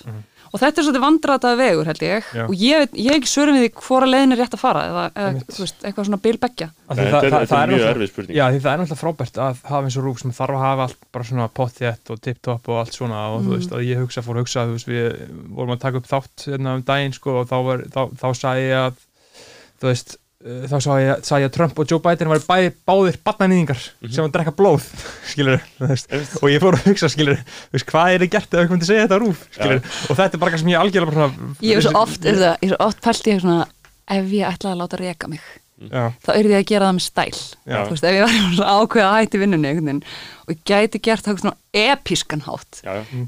Það er svo, það er bara svo margar leiðir í því Þa, sko. það er ég nefnilega meina, það er svona fantasi að skilur, mér langar, ég ætla að vinna ef ég mögulega get, ég, ég var til að vinna hér rúf fram í gröfina sko, Mhm. en þetta er bara svona fantasi sem ég á, en þegar þú ferð þá ferð með reist. Já, já, mér langar að fara út með stæl ef ég fer. Þarna grínast eitthvað með helfurina eða já, helfurinn ekki, hafi ekki átt sér stað. Eins og þessi bók nýja bókin. Hefur ekki verið grínast nóg með helfurinn á rúf Já, einmitt, var, það ekki, var, það, var það á Rúf sem Björn Bræði tók þetta? Var það ekki, já, það var ekki á stöð 2 það var á Rúf og hann var að lýsa leik eða eitthvað svoleiðis. Og hann sagði að þau réðist inn í að þau ráð, eins og bara þjóðverið réðist inn í Póland eða eitthvað svoleiðis. Já, og þetta, þetta voru, þetta ekki Þískland og Póland að keppa, eða? Jú, með minni það sko, þannig að þetta var svolítið sniðu tilvinn hjá hann já einmitt, þetta var, þetta var sniðut já, já, þetta var bara heldur gott hjá okkar manni sko. gaman að heyra þetta. Uh, en uh, lagðist ekki vel í mannskapin um, en sko Herru, við erum búin að tala mikið hérna Nei, já, byrju, Já, rúf, rúf, rúf. ég var að fara að segja Já. eitthvað. Ég var að fara að segja eitthvað. Ég var að fara að segja eitthvað af því að við vorum að tala um þegar fólk kemur lestaklegan um, og ræðir svona eitthvað sem kemur út og var að koma út um, uh, og ég var vel að merkja að eru þið búin að horfa á nýju bórutmyndina? Já. Nei. Nei um, það, hún kom út og ég var eitthvað svona hm, þetta er allt í lagi mynd, eitthvað ekki sérstök uh, tala um hana og síðan las ég í dag í mokkanum, mínu ágæta blæði góðan dóm um um, Borat Já. ég var sammála hverju orði það var frá Gunnari Ragnarsinni sem er í Grísalapalísu uh, og ég hugsaði bara þetta er kongadæmi og ég Ung, bara, ungur gaur eða? já, á okkar aldri. Já. og bara vel skrifað, gaf þessu bara þrjár stjörnur yfirvegað, alveg eins og dómur á að vera. Og ég hugsaði, ég sakna þessa um ímislegt að sjá bara þetta dæmi skilur á íslensku. Og þá fóru í sambandi við lestaklæðan það var að tala um lestaklæðan, lestaklæðan, fólk kemur í lestaklæðan og talar um eitthvað. Um, en síðan hef ég heyrt ég hef heyrt að, að afloknum þættinum þá skilur, slekkur fólk á mæknum og segir, þú veist já, það, sem ég fannst, það sem ég fannst í alvöru um þessa mynd var uh, hvað þetta mikið drasl Já. og hvað þetta er ömulegt gerist þetta? Já, já, þetta Já. gerist. Og það er líka bara ógeðslega skiljanlegt í jafn litlu samfélagi Mm. og Ísland er. En það er svo Það- gallað, það átti ekki að vera tjáð um Nei, veistu, það, veistu Það segja bara, bara- heyrðu, sorry, ég kemst ekki. En ég bara hjá því verður ekki komist. Og ég skil þetta ógeðslega vel. Ég, ég ger mig grein fyrir hversu brjálæslega og æskilit þetta er. En þú veist, við erum öll tjóðruð í tengslum og hagsmunum og ásetningi og tilfinningum í þessu pínu ponsu lilla samfélagi sem við tilerum Já. og við veit að er, það er bara gæðveitt erfitt að varpa fram kannski fordæmingu á einhverju um, vegna þess að það er mikið í húfi eins og ég var að lýsa þetta náðan en auðvitað, þú veist, ef þú ætlar að svara því, því ábyrðarkalli að vera að dæma hluti að gaggrína þá þá áttu að reyna að vera slutlaus eins heiðarlegur þú getur. En ég skil líka bara ógísla vel að fólk sé ekki fullkomlega svona stert í sinni afstöðu. Já, þá er þetta sko hana, það sem ég held ég hafi mesta andstig á af öllu eða, eða mörgu er afstöðu fælni Mhm. hún fyrir alveg merkjastlega í töðunar á mér. Einmitt. Og mér finnst það vera svolítið landlægt um, mér finnst einhvern veginn svo oft vera verða vör við fólk sem að lamar sig einhvern veginn af því að það er svo hýper meðvitað um hvað afleggingar orðir að gætu haft eða hvað geti sært hennan og hinn eða það sé nú bara örugusti, leik, örugusti leikurinn að spila að vera hlutlaus eða bara þegja En við, við erum bara að tala um þetta með Íslandsstefnið, ekki? Jú, jú.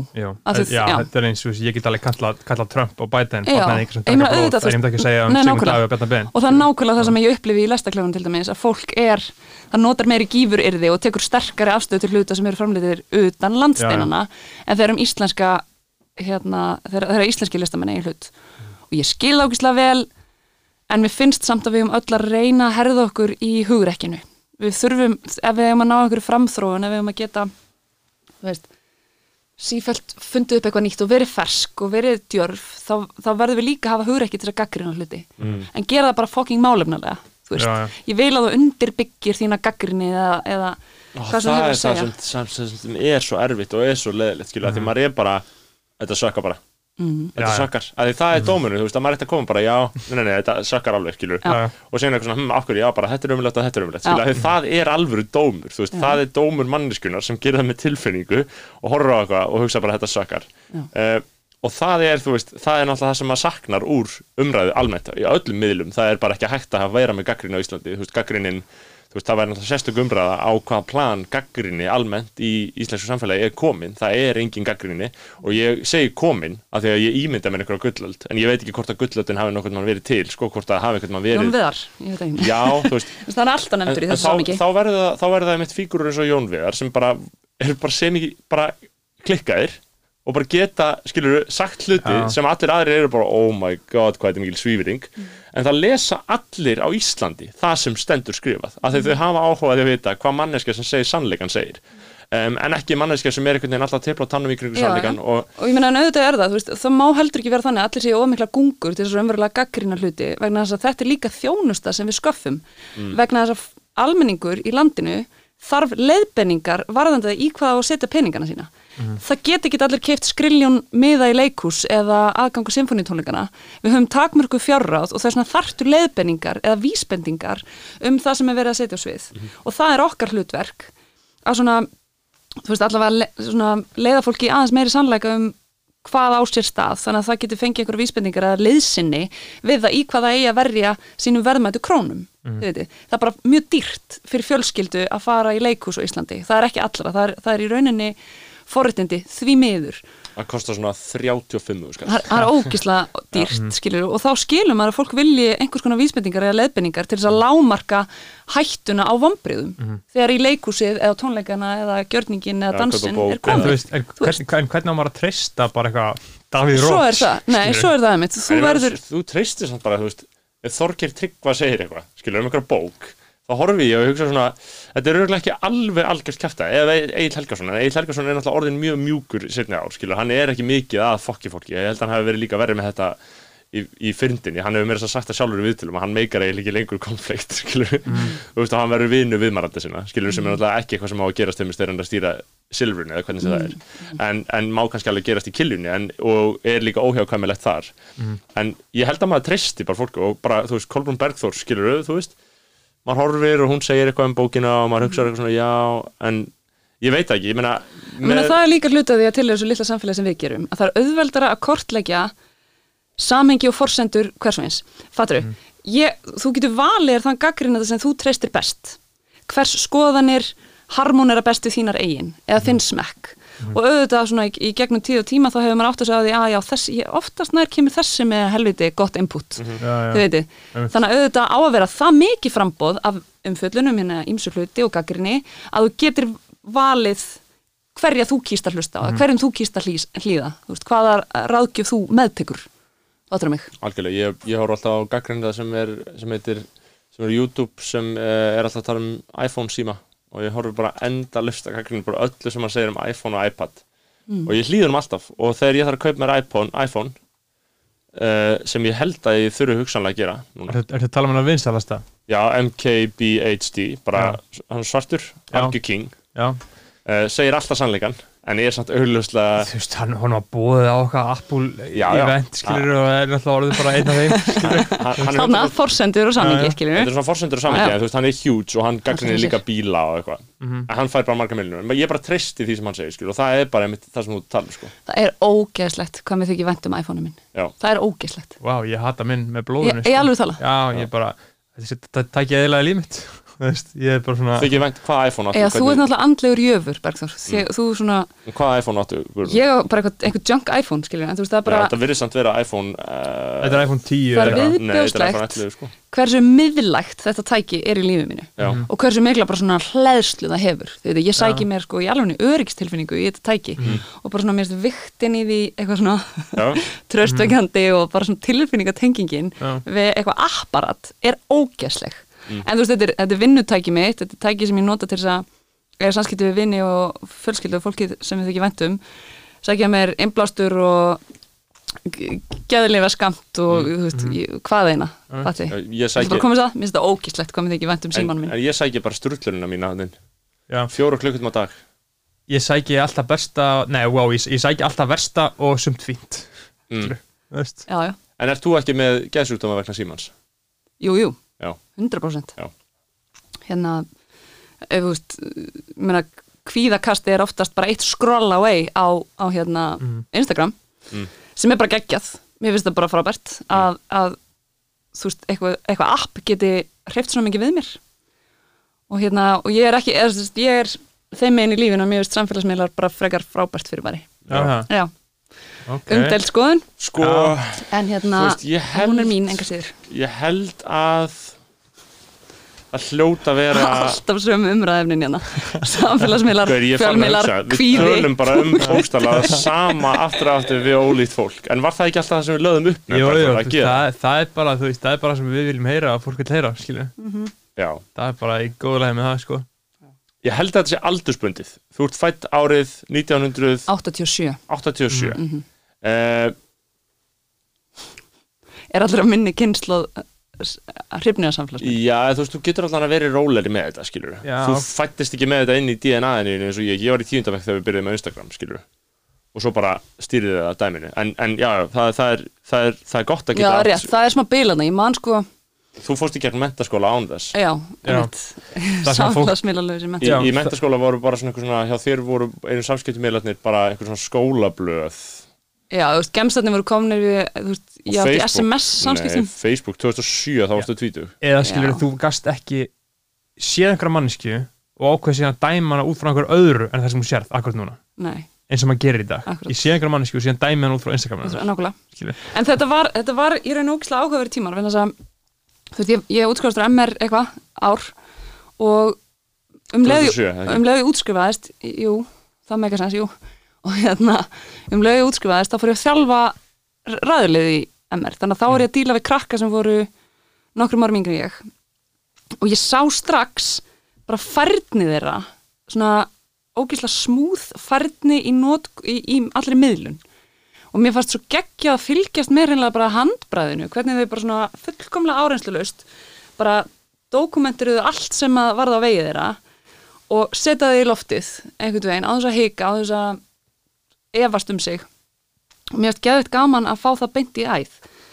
Og kannski út frá þeim veist, þá byrjaði ég tiltölu að snemma að nota sögum af þessum miðlum og sjá kostina sem þeim fylgja.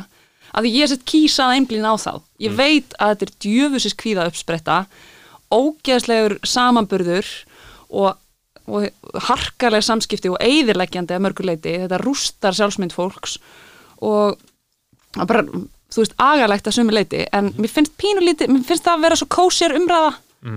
Og mér finnst það stundum gleymast kostirnir sem, sem þessu fylgja.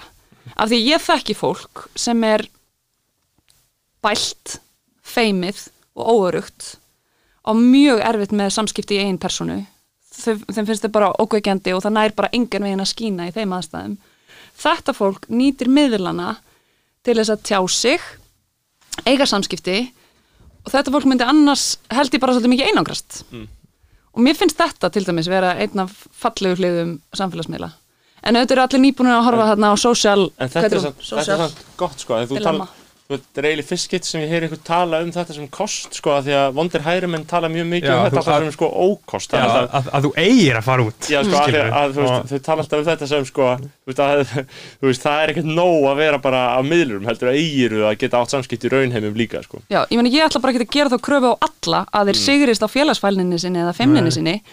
Þú veist, uh, sumir bara geta það ekki. Er, er í því ferli að reyna að vinna bug á því og þá er sjálfsög mannréttindi að þetta fólk geti sótt sér félagskap og geti brúa bylið millir sín og samfélagsins á að tilhera með samfélagsmiðlum, veist ég er þannig sjálf að ég held að ég sé, ég held að ég sé mest í essinu mínu þegar ég siti leiklaborð veist, það er kannski umkunnvært að segja þetta en mér finnst ég njóta mín best þegar ég er að skrifa Já, og hef hérna rittstjórnarvald yfir því sem ég læt frá mér.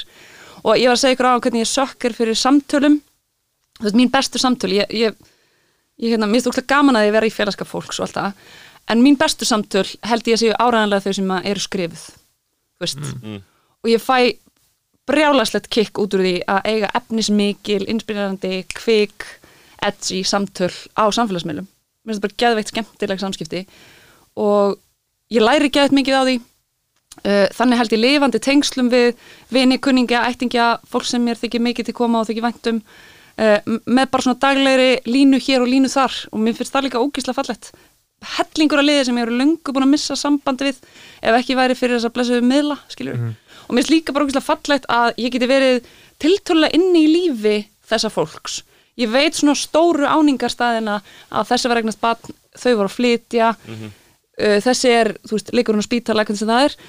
Ég sækja mig þessar upplýsingar inn, inn á samfélagsmiðla af því að auðvitað get ég ekki sint símtölum eða efnislegum hittingi við fólk á hvernig degi.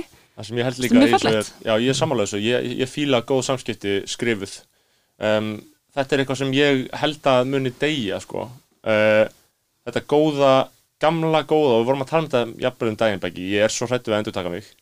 Ég er hrættur um að vera byluð plata í þessu hlaðarpi sko. Aldrei gerst. uh, aldrei gerst. Facebook chatið góða. Bara já við töluðum saman að Facebook í gæri 2,5 klukkutuma Old frá school. 23.00 til 00.45 ég veit að þetta voru kannski ekki alveg 2,5 tímar en gott Facebook chat þar sem að hver er, hver er í sínu hotni að þjást á netinu og að eiga gott Facebook chat í MacBook þetta er bara, þú veist, þetta er bara sena sem er góð sena sem á að eiga sér stað í Já. lífi Ég, ég bara set stundum og bara Já. ég er sjúklega spennt og ég skríki Já. og ég er svona, þú veist, heilin á mér er að fulla að vinna úr því sem er að gerast Mm.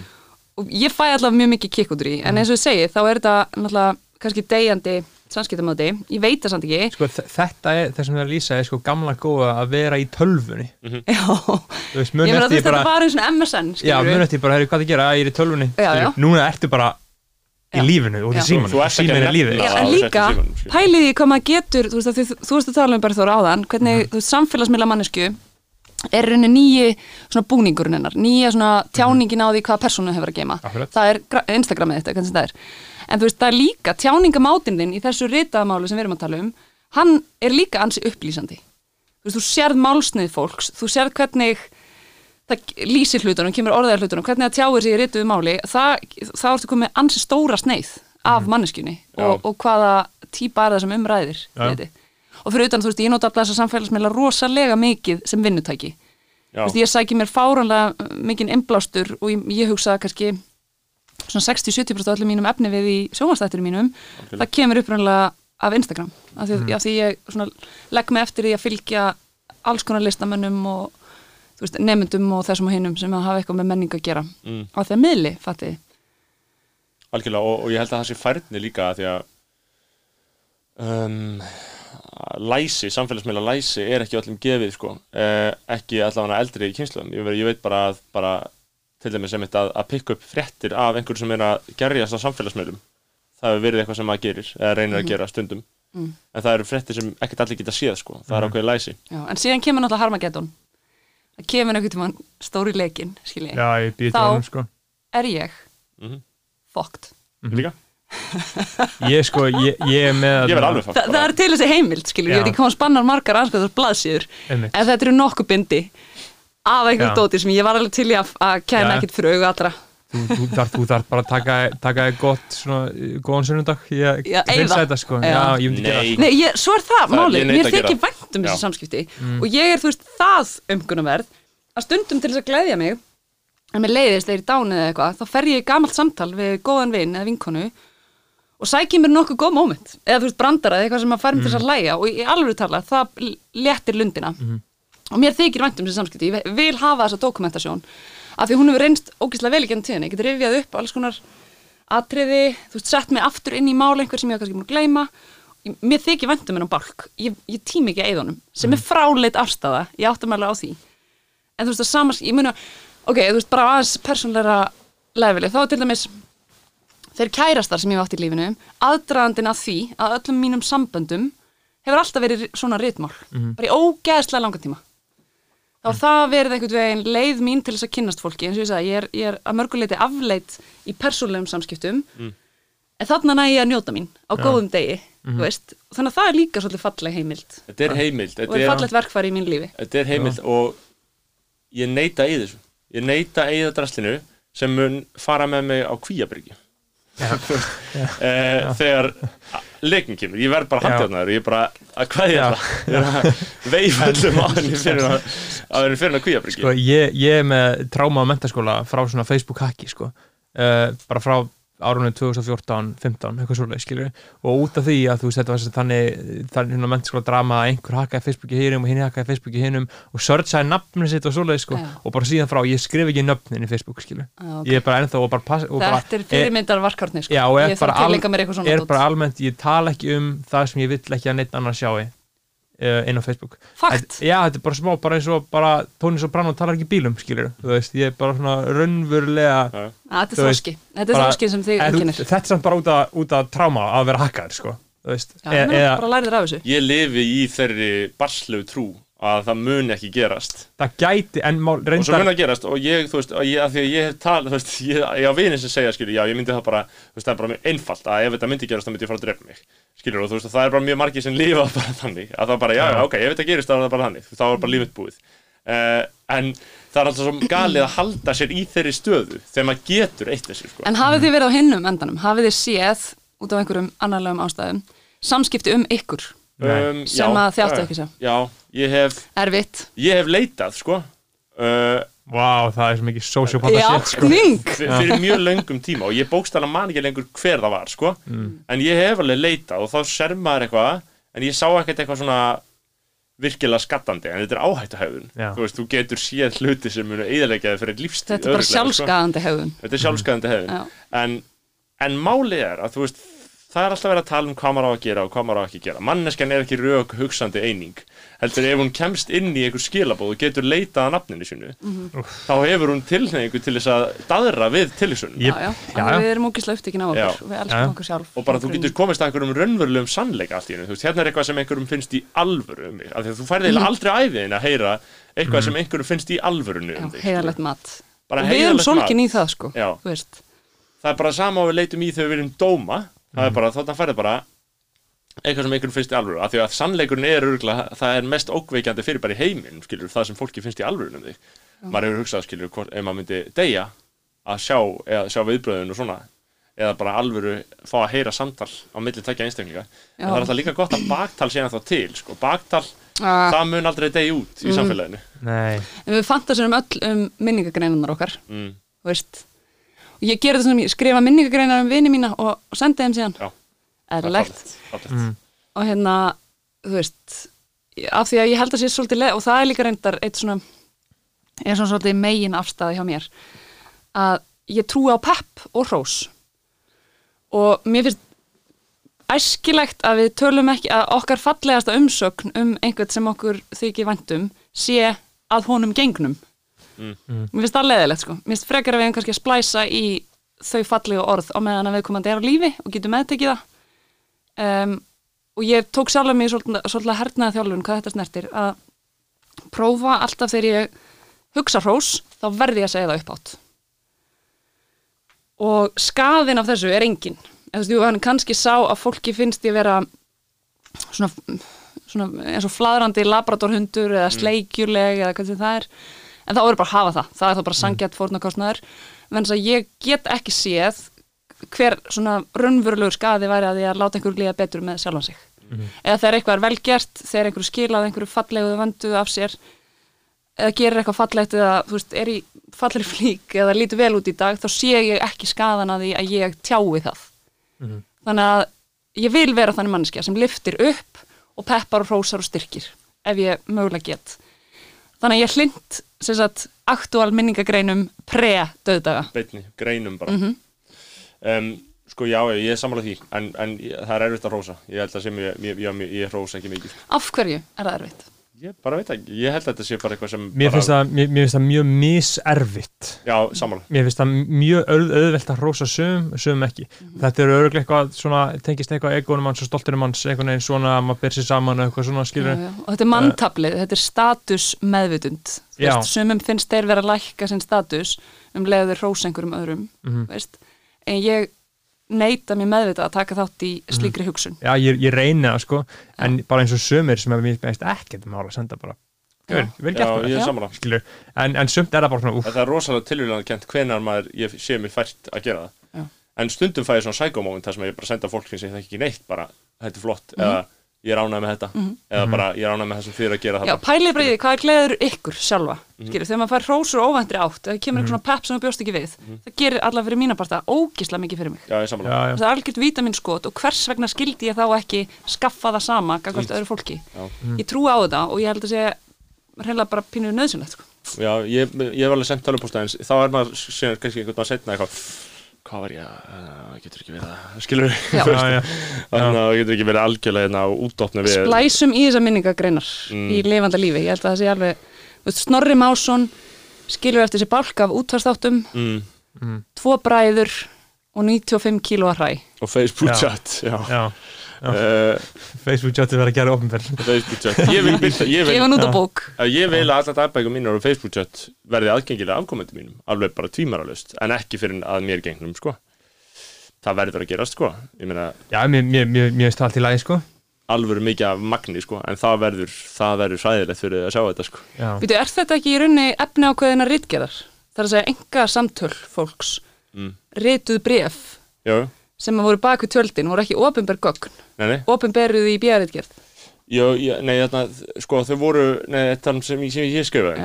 Uh, ég skrifaði um, þarna, bref frá Konráði Gíslasinni, en þau bref voru ekki, þau voru aldrei hugsuð til byrtingar, skilur, en þau eru bara byrt löngu eftir að þeir deyja, sko, þessu þau eru bara til að skjálasafnum. Þetta er hliðstæða? Já, þetta er Já, 100% þetta er- liðstætt. þetta er bara konseptið að almennt eiga bref að koma í, þú meina, þarna, hann Guðmundur Andri Tórsson, þingmaður samfélninga var að skrifa hann að Facebook status um að hann er að lesa bref milli fóröldrans, skilur, þegar þau voru bara tvítug. Það sem þau eru að skrifa hvort öðru og hann er að segja bara að þau eru alveg að klæmast skilur, og og, og hann var að segja bara ég er að sjá fóröldrar mín í smá nýju ljósi, skilur og þarna er holdt. en einhver síður bara einhver sönn mynd þú veist, að einhverju að, að því marki, skilur uh, persónulega væri ég ekki áhuga samur um, um að gera þetta sjálfur, að lesa svona bref sjálfur en, en þú veist, ég vil að þessi heimild sé alltaf til og sérstaklega bara þegar þá einhver treystir sér í að skoða þetta, að þá verði það gert sko. um, að því að þetta er eins og ég segi, þetta er, þetta er svona þetta er svona einn að fáum vettvangum sannleikans sem er eftir, að því við lifum op, svo yfirborðskendu lífi, sko, það sem að allt er uh, sagt með einhverja hagsmundi hú, húfi, sko, og tilfinningar annara í huga og, og ég veit ekki hvað og hvað. En sannleikurinn kemur hérna í, Já, hann, hann uh, fara yfir einhver svona æfisögu, sem svo ég er að taka rappar í viðtal, þá er langt besta leiðin til að fá ákveðis yfirsýn yfir þetta uh, að fara bara á Instagram sko og skoða hver einustu mynd þá farið þið smá æ, æfisögu sko, þú veist, þú sérstaklega á árunum þegar það var aðeins eðlilega að posta, Já. skilur, þetta var ekki svona super producerað og já. skilur þá var þetta svolítið svona uh, æfisögu form sko. Einmitt, líka því að, þú veist, viðtekna attitúti er náttúrulega það að það sé svo mikið glansmynd til dæmis á Instagram. Og þú sett bara að láta skína í fallegustu hérna, heilstiftustu hliðar lífstíns en við megum ekki gleyma því að við erum höfundar að okkar Instagram-reikningum, við erum listrænir stjórnendur og leikstjórar þess sem byrtist þar og þar kemur fram okkar karakter og okkar afstæði til hlutan, okkar smekkur, okkar tilfinningar sem eru býstna lýsandi fyrir þann mann sem við hefur að geima. Þannig að jafnvel þótt sem hún sér, sér, sé pródúserað að einhverju leiti, þú veist, færað og fylltirað, þá er það enga síður ákveðin afstæða sem liggur þarna baki. Þetta er, þessi einstaklingur kýs að byrta þessa mynd vegna þess að hann vill ekki áherslu á að hann stundi mikla útivist, fari oft í fjallgangur eða sé afar kynþókufullur einstaklingur skilur, þú, veist, þetta, þú ert að varpa fram því sem þér þykir þína bestu hliðar og auðvitað er það samhengi býsna lýsandi.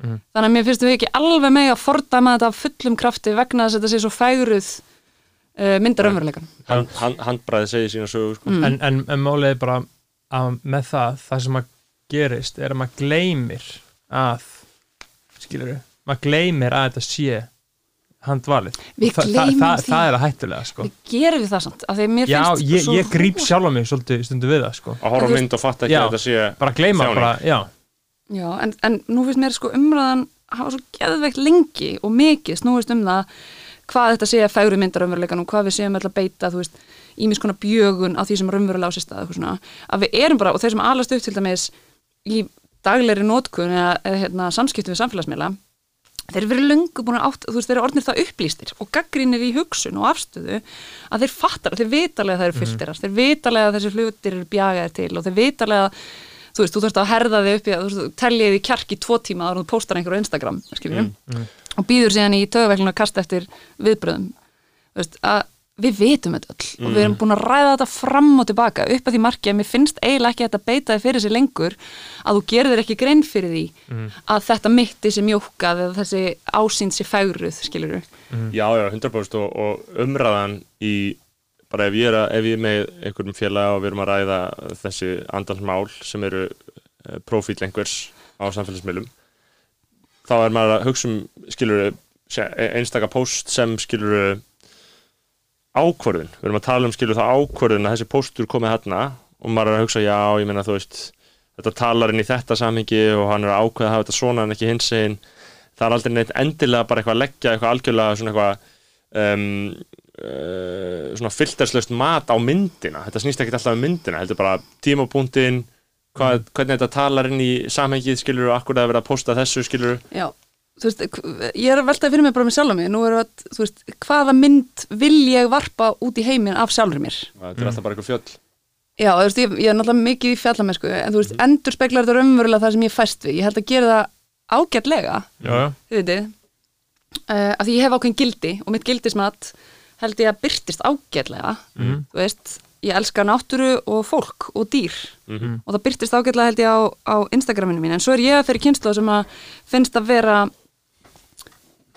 finnst að vera galli að berja sér sífælt á brjóst eða vera að miðla sjálfum sér. Eða setja sína personu fram eins og hún sé eitthvað aðalatriði. Og, og þannig er það, þú veist, ég, ég fæ veist, hóværð þykir mjög mikildegð í mínu mengi. Já. Er það þín kynslu? Það er spurning, ég, njá, kannski ekki mín kynsla, það er bara eitthvað svona, þú veist, ég fæ alltaf smá stingi hjarta þegar ég byrti mynda sjálfur mér. Og ég bara Já. losna ekki við það, mér finnst það vera skringi hægðun að einhverju leiti Já, sko. að vera að íta minni mannesku fram. Og sama í dagskagerinu minni, í vinnunum minni, mér finnst það bara off að setja sjálfa mig í einhvern forgrunn. Ég á ekki að vera í forgrunni. Ég á að vera manneskjan sem er baku hljónum eða myndavélina og spyr spurningana.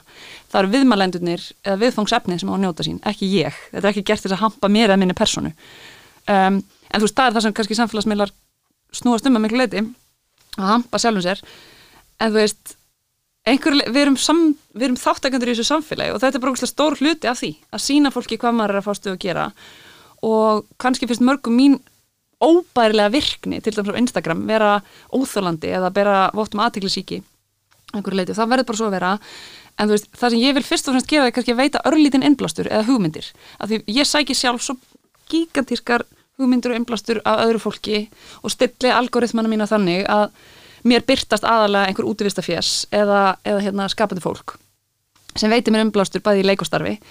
Og ég fæ rosalega sterk viðbröð þegar ég er að, að hérna, sprikla upp á einhverju fjöllum eða veist, fara á kajak eða hvað sem ég er að gera í mínu frítíma fæ ég rosalega sterk viðbröð fólki sem vil fá að vita hvar, hvernig, hvernig fór að þessu. Talar bókstælega um að þeim finnst þetta að vera einblástur til að gera eitthvað á þennan hátt. Þannig að svo lengi sem þau viðbröð koma þá finnst mér þetta einhver leiti forsvaranleg hegðun þótt að öðrum kunna finnast hún óbærileg. Já, ég held að, ég held að það sé munur þarna sko á, á þessu með að posta mynda sjálfur sér og posta ekki mynda sjálfur sér. Þú veist, þetta er forsvarlegt eins og segir, skilur, ef þetta er einhver svona góða samingi, en, en ég posta bara, alla myndina mér í Instagram eru bara alltaf ég, þetta er bara ég sko. Að því að mér finnst sko að fylgjendur mínir fylgi mér til að sjá myndir af mér, að því að mm. auðvitað ef að ég sé að posta mynd af tölvunni minni, þá fæ ég 70 likes, skilur. Já, Þú veist, ég meina, og hvernig á ég að skilja það öðru vísi en að ég eigi bara að posta myndum af sjálfum mig, skilur, maður bregst bara við eftirspurninni, er það ekki? Ég meina, ég, ég held að, ég held að sé alveg eðlilega rauksandafesta þó að það sé kannski körst hugmyndafræði þannig í öllu þessu drasli, þetta er Já. ógislegt. þetta er náttúrulega allt ógislegt sko Já, já, þetta er fínt. Um, En þetta er allt í lagi, ég- ma- ma- maður getur ekki hætt Það er mitt þetta er allt í ég. Þetta er erfitt, sko. Guðrún er að skróla í Instagram. Ein mynd af Guðrún hans afa sem var nasti. Uh, þannig, til þess, að fá, til þess að fá sérstakar myndaðir Kvíl í friði kvíli friði, þá Já. verður að vera að vera í Já. nastaflónum Já, En byrju, hvað er að gerast hér? Hvað er? Þú ert komin árið 2000 og hvað er að gera sem það? Hver, hvert er hérna hver er Instagram-reikningunum þinn, Berður? Uh, Bergþór Másson Bergþór Ok, En ég held að Og ég, ég einmitt sko Ég er auglýsa það sinna Já, en, en ég- er náttúrulega sko Já, hef, endilega followa mig, Snorri Fjóris já, ég, ég hef náttúrulega unnið sko. Sjáu þetta, Bergþór er með myndir af fallir íslenska náttúru, Já, einhverju svona skúltúrum Einmitt. vinum sínum við hinnar ímsa aðstæður. Já. En sko, Aftur, endur speklar okkar einri personu Já, en Nat. Þú veist Ég myndi þá, að, jú, jú, kannski Svo sem alveg sko. En, en þarna, já, já, Insta er, er, er fýll leikur. Beggi Já. postur með mörgum myndum, sko. Mm Já, Ég væri svo til að vera í Suður Ameríku eins og þú varst þegar þú varst að posta, posta þaðan, sko. Mm. Svo, svo, En ég, ég hef náttúrulega sko, ég fæ, já, þannig ég og Bent, minn maður. En þannig að ég fæ náttúrulega sko uh, Þetta er gott útvarp. Já, þetta, þetta, þetta, þetta er aðeinslega út það fólk elskar svona afslappa Þannig að, Já, þú veist, uh, já, hvað sé þannig að uh, Ég var að fara að segja að ég er náttúrulega búin að vinna fullnaði sigur á Instagram uh, Með því að uh, mér er orðið tiltölulega sama mm -hmm. Hvað er í gangi hérna Ég fer einungis, ég hef talað um þetta oft í þættinum sko, En ég er svolítið mikið endur taka með það sko Mhm. En ég er bara, þú veist, ég er bara svo stoltur af þessum sigri Mhm. Að ég fer einu svona dag Engar undantekningar, alltaf bara einu svona dag Þá skoða ég hvað er að frétta, skilur En veitu hvað með messagein á Instagram? Nei, það, þau bara býða Vá, Þú serðu þau bara þá. Ég bara séu þá. Og oft þegar ég opna þá eru kannski 13 message Og ég bara uh, herpist um og þarf að skoða öll.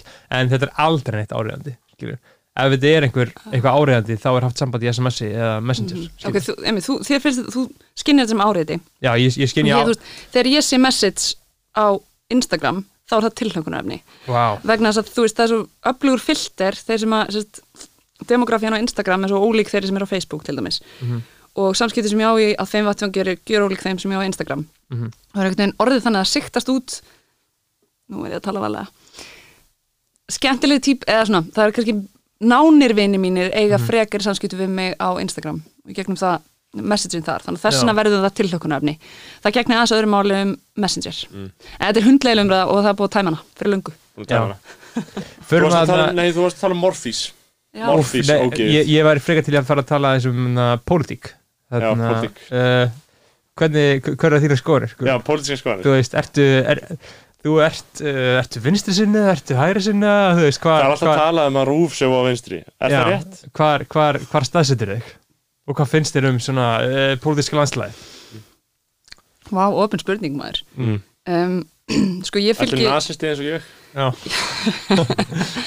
Sko ég hérna, þú veist, ég, ég var að segja á þannig ég hata afstöðufælni, þannig að eins gott ég gerst ekki segum slíkt. Mhm. akkurat en hérna, ég er óflokksbundin Mm. og ég vil fylgja hjartan í hvert sinn. Mhm. ég hef kosið flesta flokka. Mm. ja, býsna marga allavega á Íslandi. Miðflokkin lítið gert að því er endur ekki enn en hérna en þú veist, má ég segja, ég er rosalega, svona, ég er svag fyrir fólki með sjálfstæða skoðanir Mm. þóttu sér ekki sammála þeim, þó, ég bara dyrka það smá þegar fólk þórar að synda móti strömmnum eins og, eins og sem ég vil. Um, ok, já, Sem ég vil, gefum við það. Allt, allt í lagi. En hérna, þú veist, ég, það alltaf virðingavert mm þegar Ég sammála. einhver þorir að koma með eitthvað framlag sem að er á skjön við almenna umræðu. Mm. af því að það þarf hugur ekki til þess og við höfum öll séð, þú veist aflýsingakultúrin og allt þetta. Sni, Sniðmenninguna sniðmenninguna og hérna þannig ég dyrka það smá, mér finnst það eiginlega alltaf virðingavert. Svo lengi sem það er ekki eitthvað tjóðsins hatursumræða, fattur við uh, og ég vil líka ógísla mikla andúð á, þú veist, múksefjun og einhvern veginn hvernig fólk svona oft hópast gegn einhverjum einum. Mér finnst það ekki næs hegðun. Mhm. en jú, ok, pólitík. Hérna, já, ég kýs með hjartan í hvert sinn. Ég hérna um, hvað er kjósa um þau þurfa að kjósa núna? Hvað er skást, þetta er alltaf ekki, en hvað er skást? Það er mjög góð spurning og hérna um, en það náttúrulega hefur líka eitthvað að segja, ég er að vinna hjá ríkisstofnun og Mhm. það er ekki æskilegt að ég láti mína pólitísku skoðanir í ljós, ég á ekki að vera tjáður á ofnbæru vettvangi, það er ófagmannlegt af mér, Er það ekki málið? já, einhver leiti Já, auðvitað ríkari krafa gerði þeirra sem starfa direkt við fréttaskrif Já. þú veist, svona samfélagsmálin, ég er í, í menningamálunum en enga síður þá en þetta er bara svona sirka, það ekki Jú, en, Eða, en síðan er náttúrulega eru ákveðin málefni sem standa hjarta mínu nær en önnur. Mhm. Þú veist, ég er mikill umhverfisenda sinni og ég brenn fyrir dýravelferð sömulegis Mhm. og þau sjóna með stjórna mér í rosalega mikill ákvarðanatöku í mínu lífi og kannski líka í kjörkleifanum. En hérna, en svo, svo er mér líka ógeðslega áhugavert þetta þessi þáttur með sko að þú getur básonað alls konar sétti út af við í samræði við vinni og kunningja og kannski ofnbæru vettvangi en síðan þegar þú ert, það, ég held að félagsfræði að sálfræði eigi hugtaka yfir þetta þegar þú ert komin í kjörklifan og stendur aðleitt, það sér enginn til þín og þú stendur mm. anspennst kjörsæðlinum hvað hakar í þá? Það Nei. er oft ekki í samræmi við það sem þú hefur látið skína í út af við sko. Nei. þar, þar fær hjarta að ráða fyrir einhver leiti Þetta er eins og ef ég væri inn í kjörklæðunum í bandaríkinum allt í einu þá væri ég líklega þá væri, þú veist, þá væri ég, þú veist, ég er búin að tala og tala og tala þá væri til að taka hefði óvænta turn og kjósa upp Joe Biden.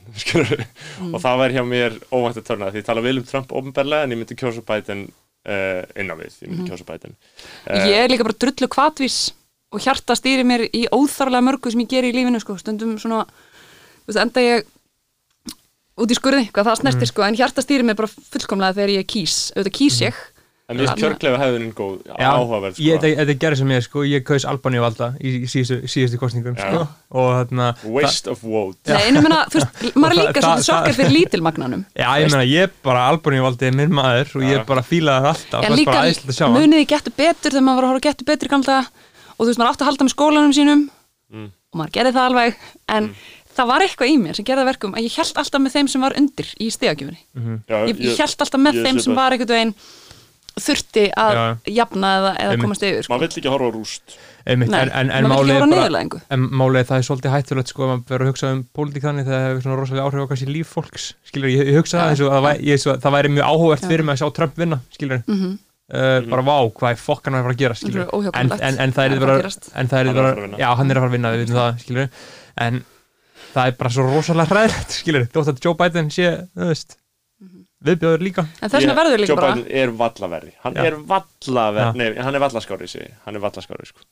hann er, Hann- hann, er tæplega skári hann, hann hann er aðeins skárur upp á það að gera hann með fólki kringum og sig ég sem að settur aðeins um að ég að segja að Joe Biden sé tæplega skári sé þú veist verði eitthvað sem verði hægt að taka bara eftir 50 ár og bara þú varst að tala með Hitler þú veist, Já, bara, já. þú veist bara eins og ég sé að tala með Hitler að einhverjum marki sko. En þess vegna verðum við að horfast í auðvitað verðum allavega, þú veist, þetta er, þetta er hræðilegt, þetta er ekki eins og niður, það er ekkert fyndið við þetta, þetta er mannlegur harmleikur Já. í aksjón, en við verðum að anskotast til þess að læra eitthvað af þessu. Og við verðum að reyna að rýna í ástæður þess að svona fer, aftur og aftur, hvað er það í okkur manneskjunum, af því við erum fucking frumstæð, við erum, við erum bara dýr mm. yfir beinið. Og frumstæðustu tilfinningarnar okkar eru sterkustu tilfinningarnar.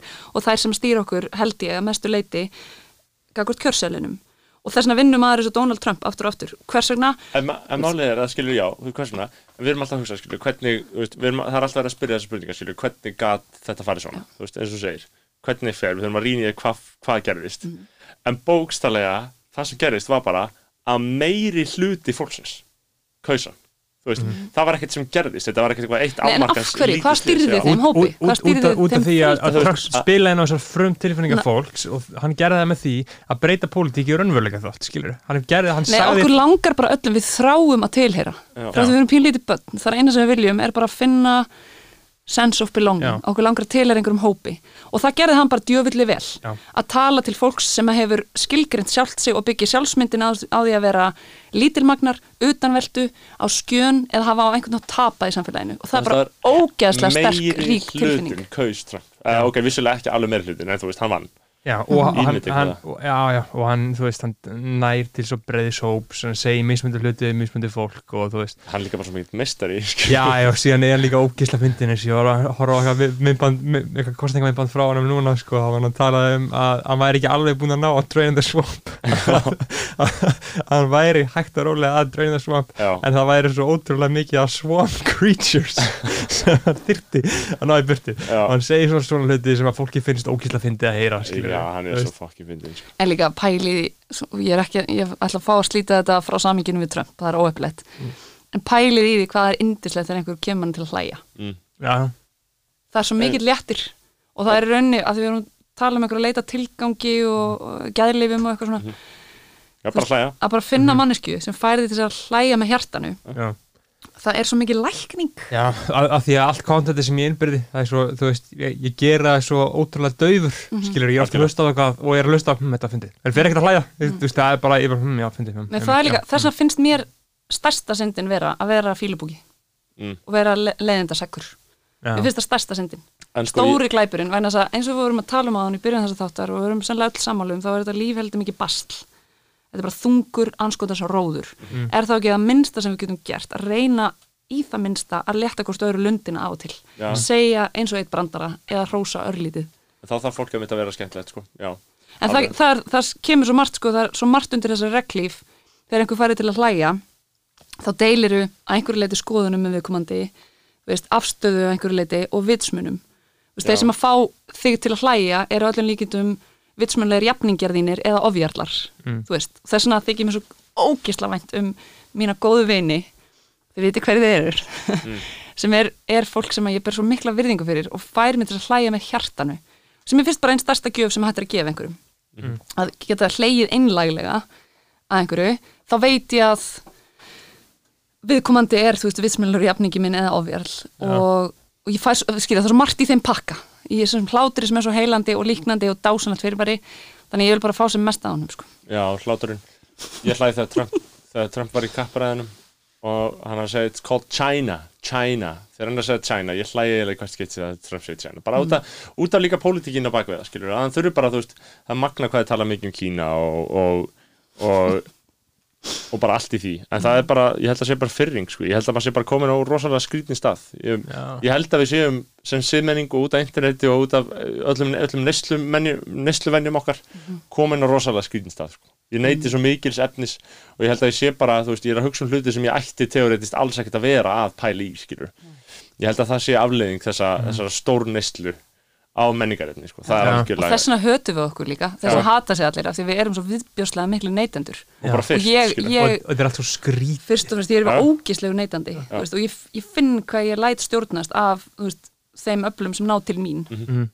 og þú veist, ég meðvita um það en ég ræði ekkit við það, mm þótt að ásetningurinn sé alltaf að verða meinlega mannskja og láti ekki hafa áhrif á sig og kaupi ekki svona fucking mikið drastl og láti ekki glepjast að einhverju merkja ruggli, eða þessu hinnu og ég ætla að segja ágætt að maður hafi þá allavega lámars meðvitund um það til þess að þú veist, skaffa endalust eldsneiti á sjálfsætri En það er er ekki núna. bara. Já, mér er svo gott núna, þú getur réttlega þetta með þegar þú setja að örfa hagkerfið.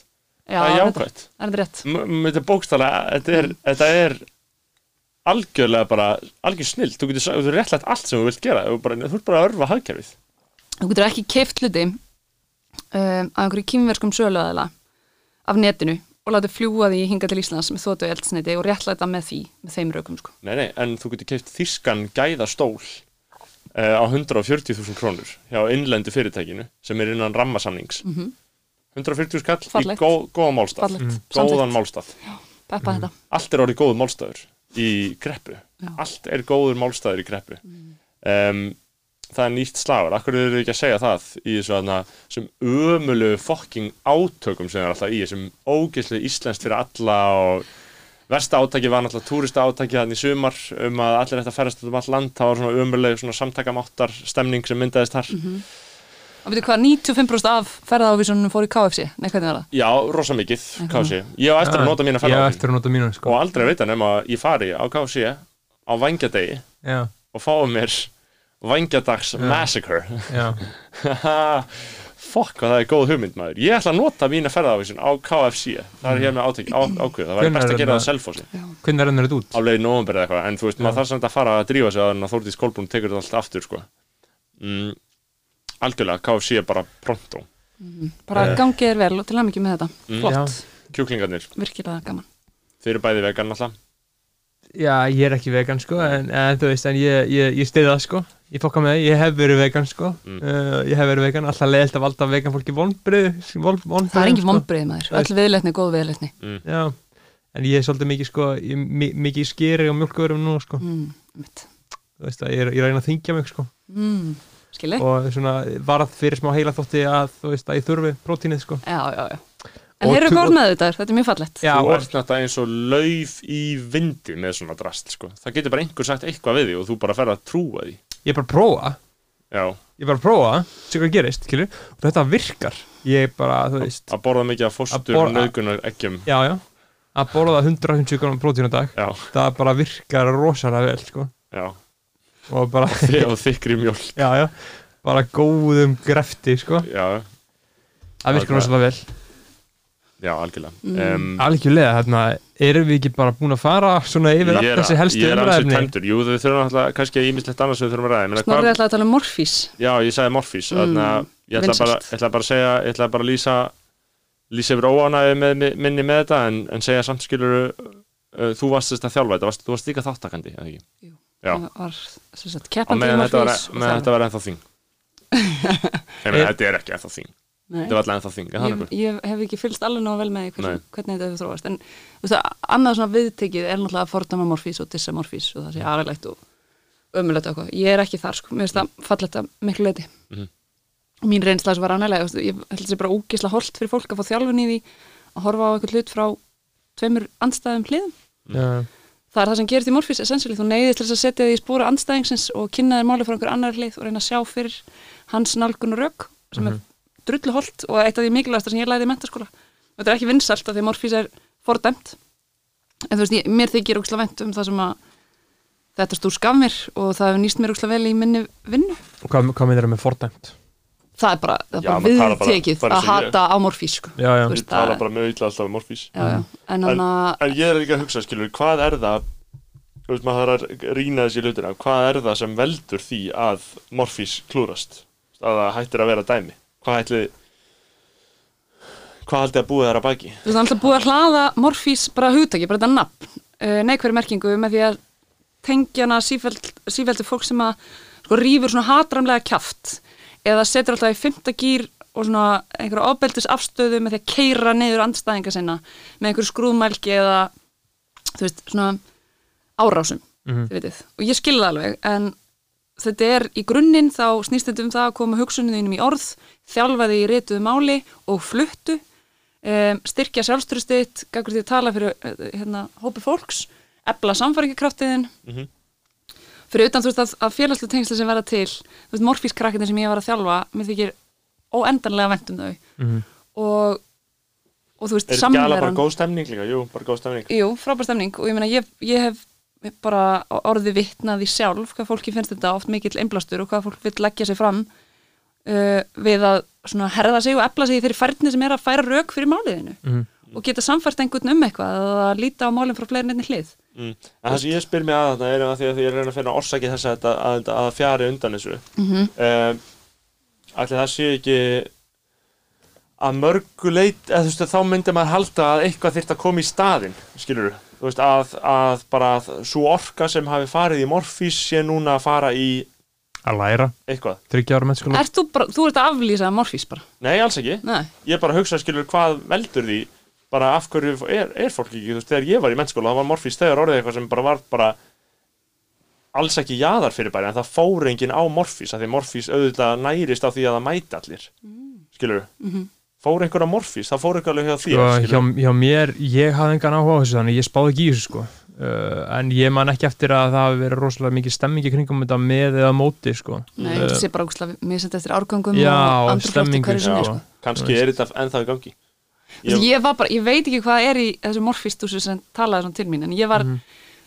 þú veist, ég var selt í níundabekk í hagaskóla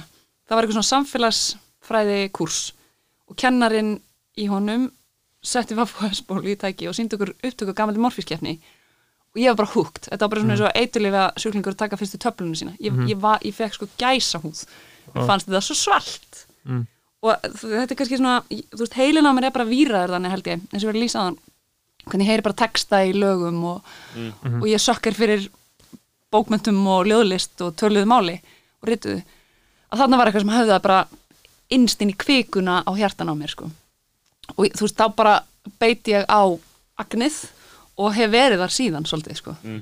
þú veist, mér finnst bara eitthvað merkja við að- hlusta á gott kjarnirt, flott áraða mikið talamál, mm. næsta geðið ég er nefnilega einmitt, ég er ekkert að mó- móti morfís heldur er ég sko ég mm, er meira bara að harma það harma örlöð þess Já, ég væri til að þetta væri miðlæðara Mhm. en svo er ekki Nei. uh, við getum gefist upp anspænis þeim vanda. Algjörlega. Eh, hérna, uh, ég held að við séum það bara uh, komin, já, komin með allt sem við þurfum, þurftum að vera komin með sko. klukkan er Það ekki? 14.31 er eitthvað sem þú vildi ræða Guðrún sem við komast ekki í? Nei, bara gaman að fá komið inn á þátt, mér finnst þetta Já. gott program já, Mm. Þið hafið valið gert ykkar af kostgefni í fortíðinni, þannig að heiður að fá að vera hluti af þeim hópi. já, uh, Ég er hérna, ég er, ég er aðdándi þáttanins, sem finnst þetta gott program. takk fyrir það skoðanabræður, já. Karl Takk fyrir það. Maðurkunar var Guðrún Sólei ég held að það sé bara tímabært að við slökkum á þessu ef að, ef að, að mitt þetta er ekkert annað í gáðalegt í hugað að segja. Nei, hérna, uh, þetta var Robert Guðrún, takk fyrir góna Takk fyrir og hérna, og hafa Guð gott. blessi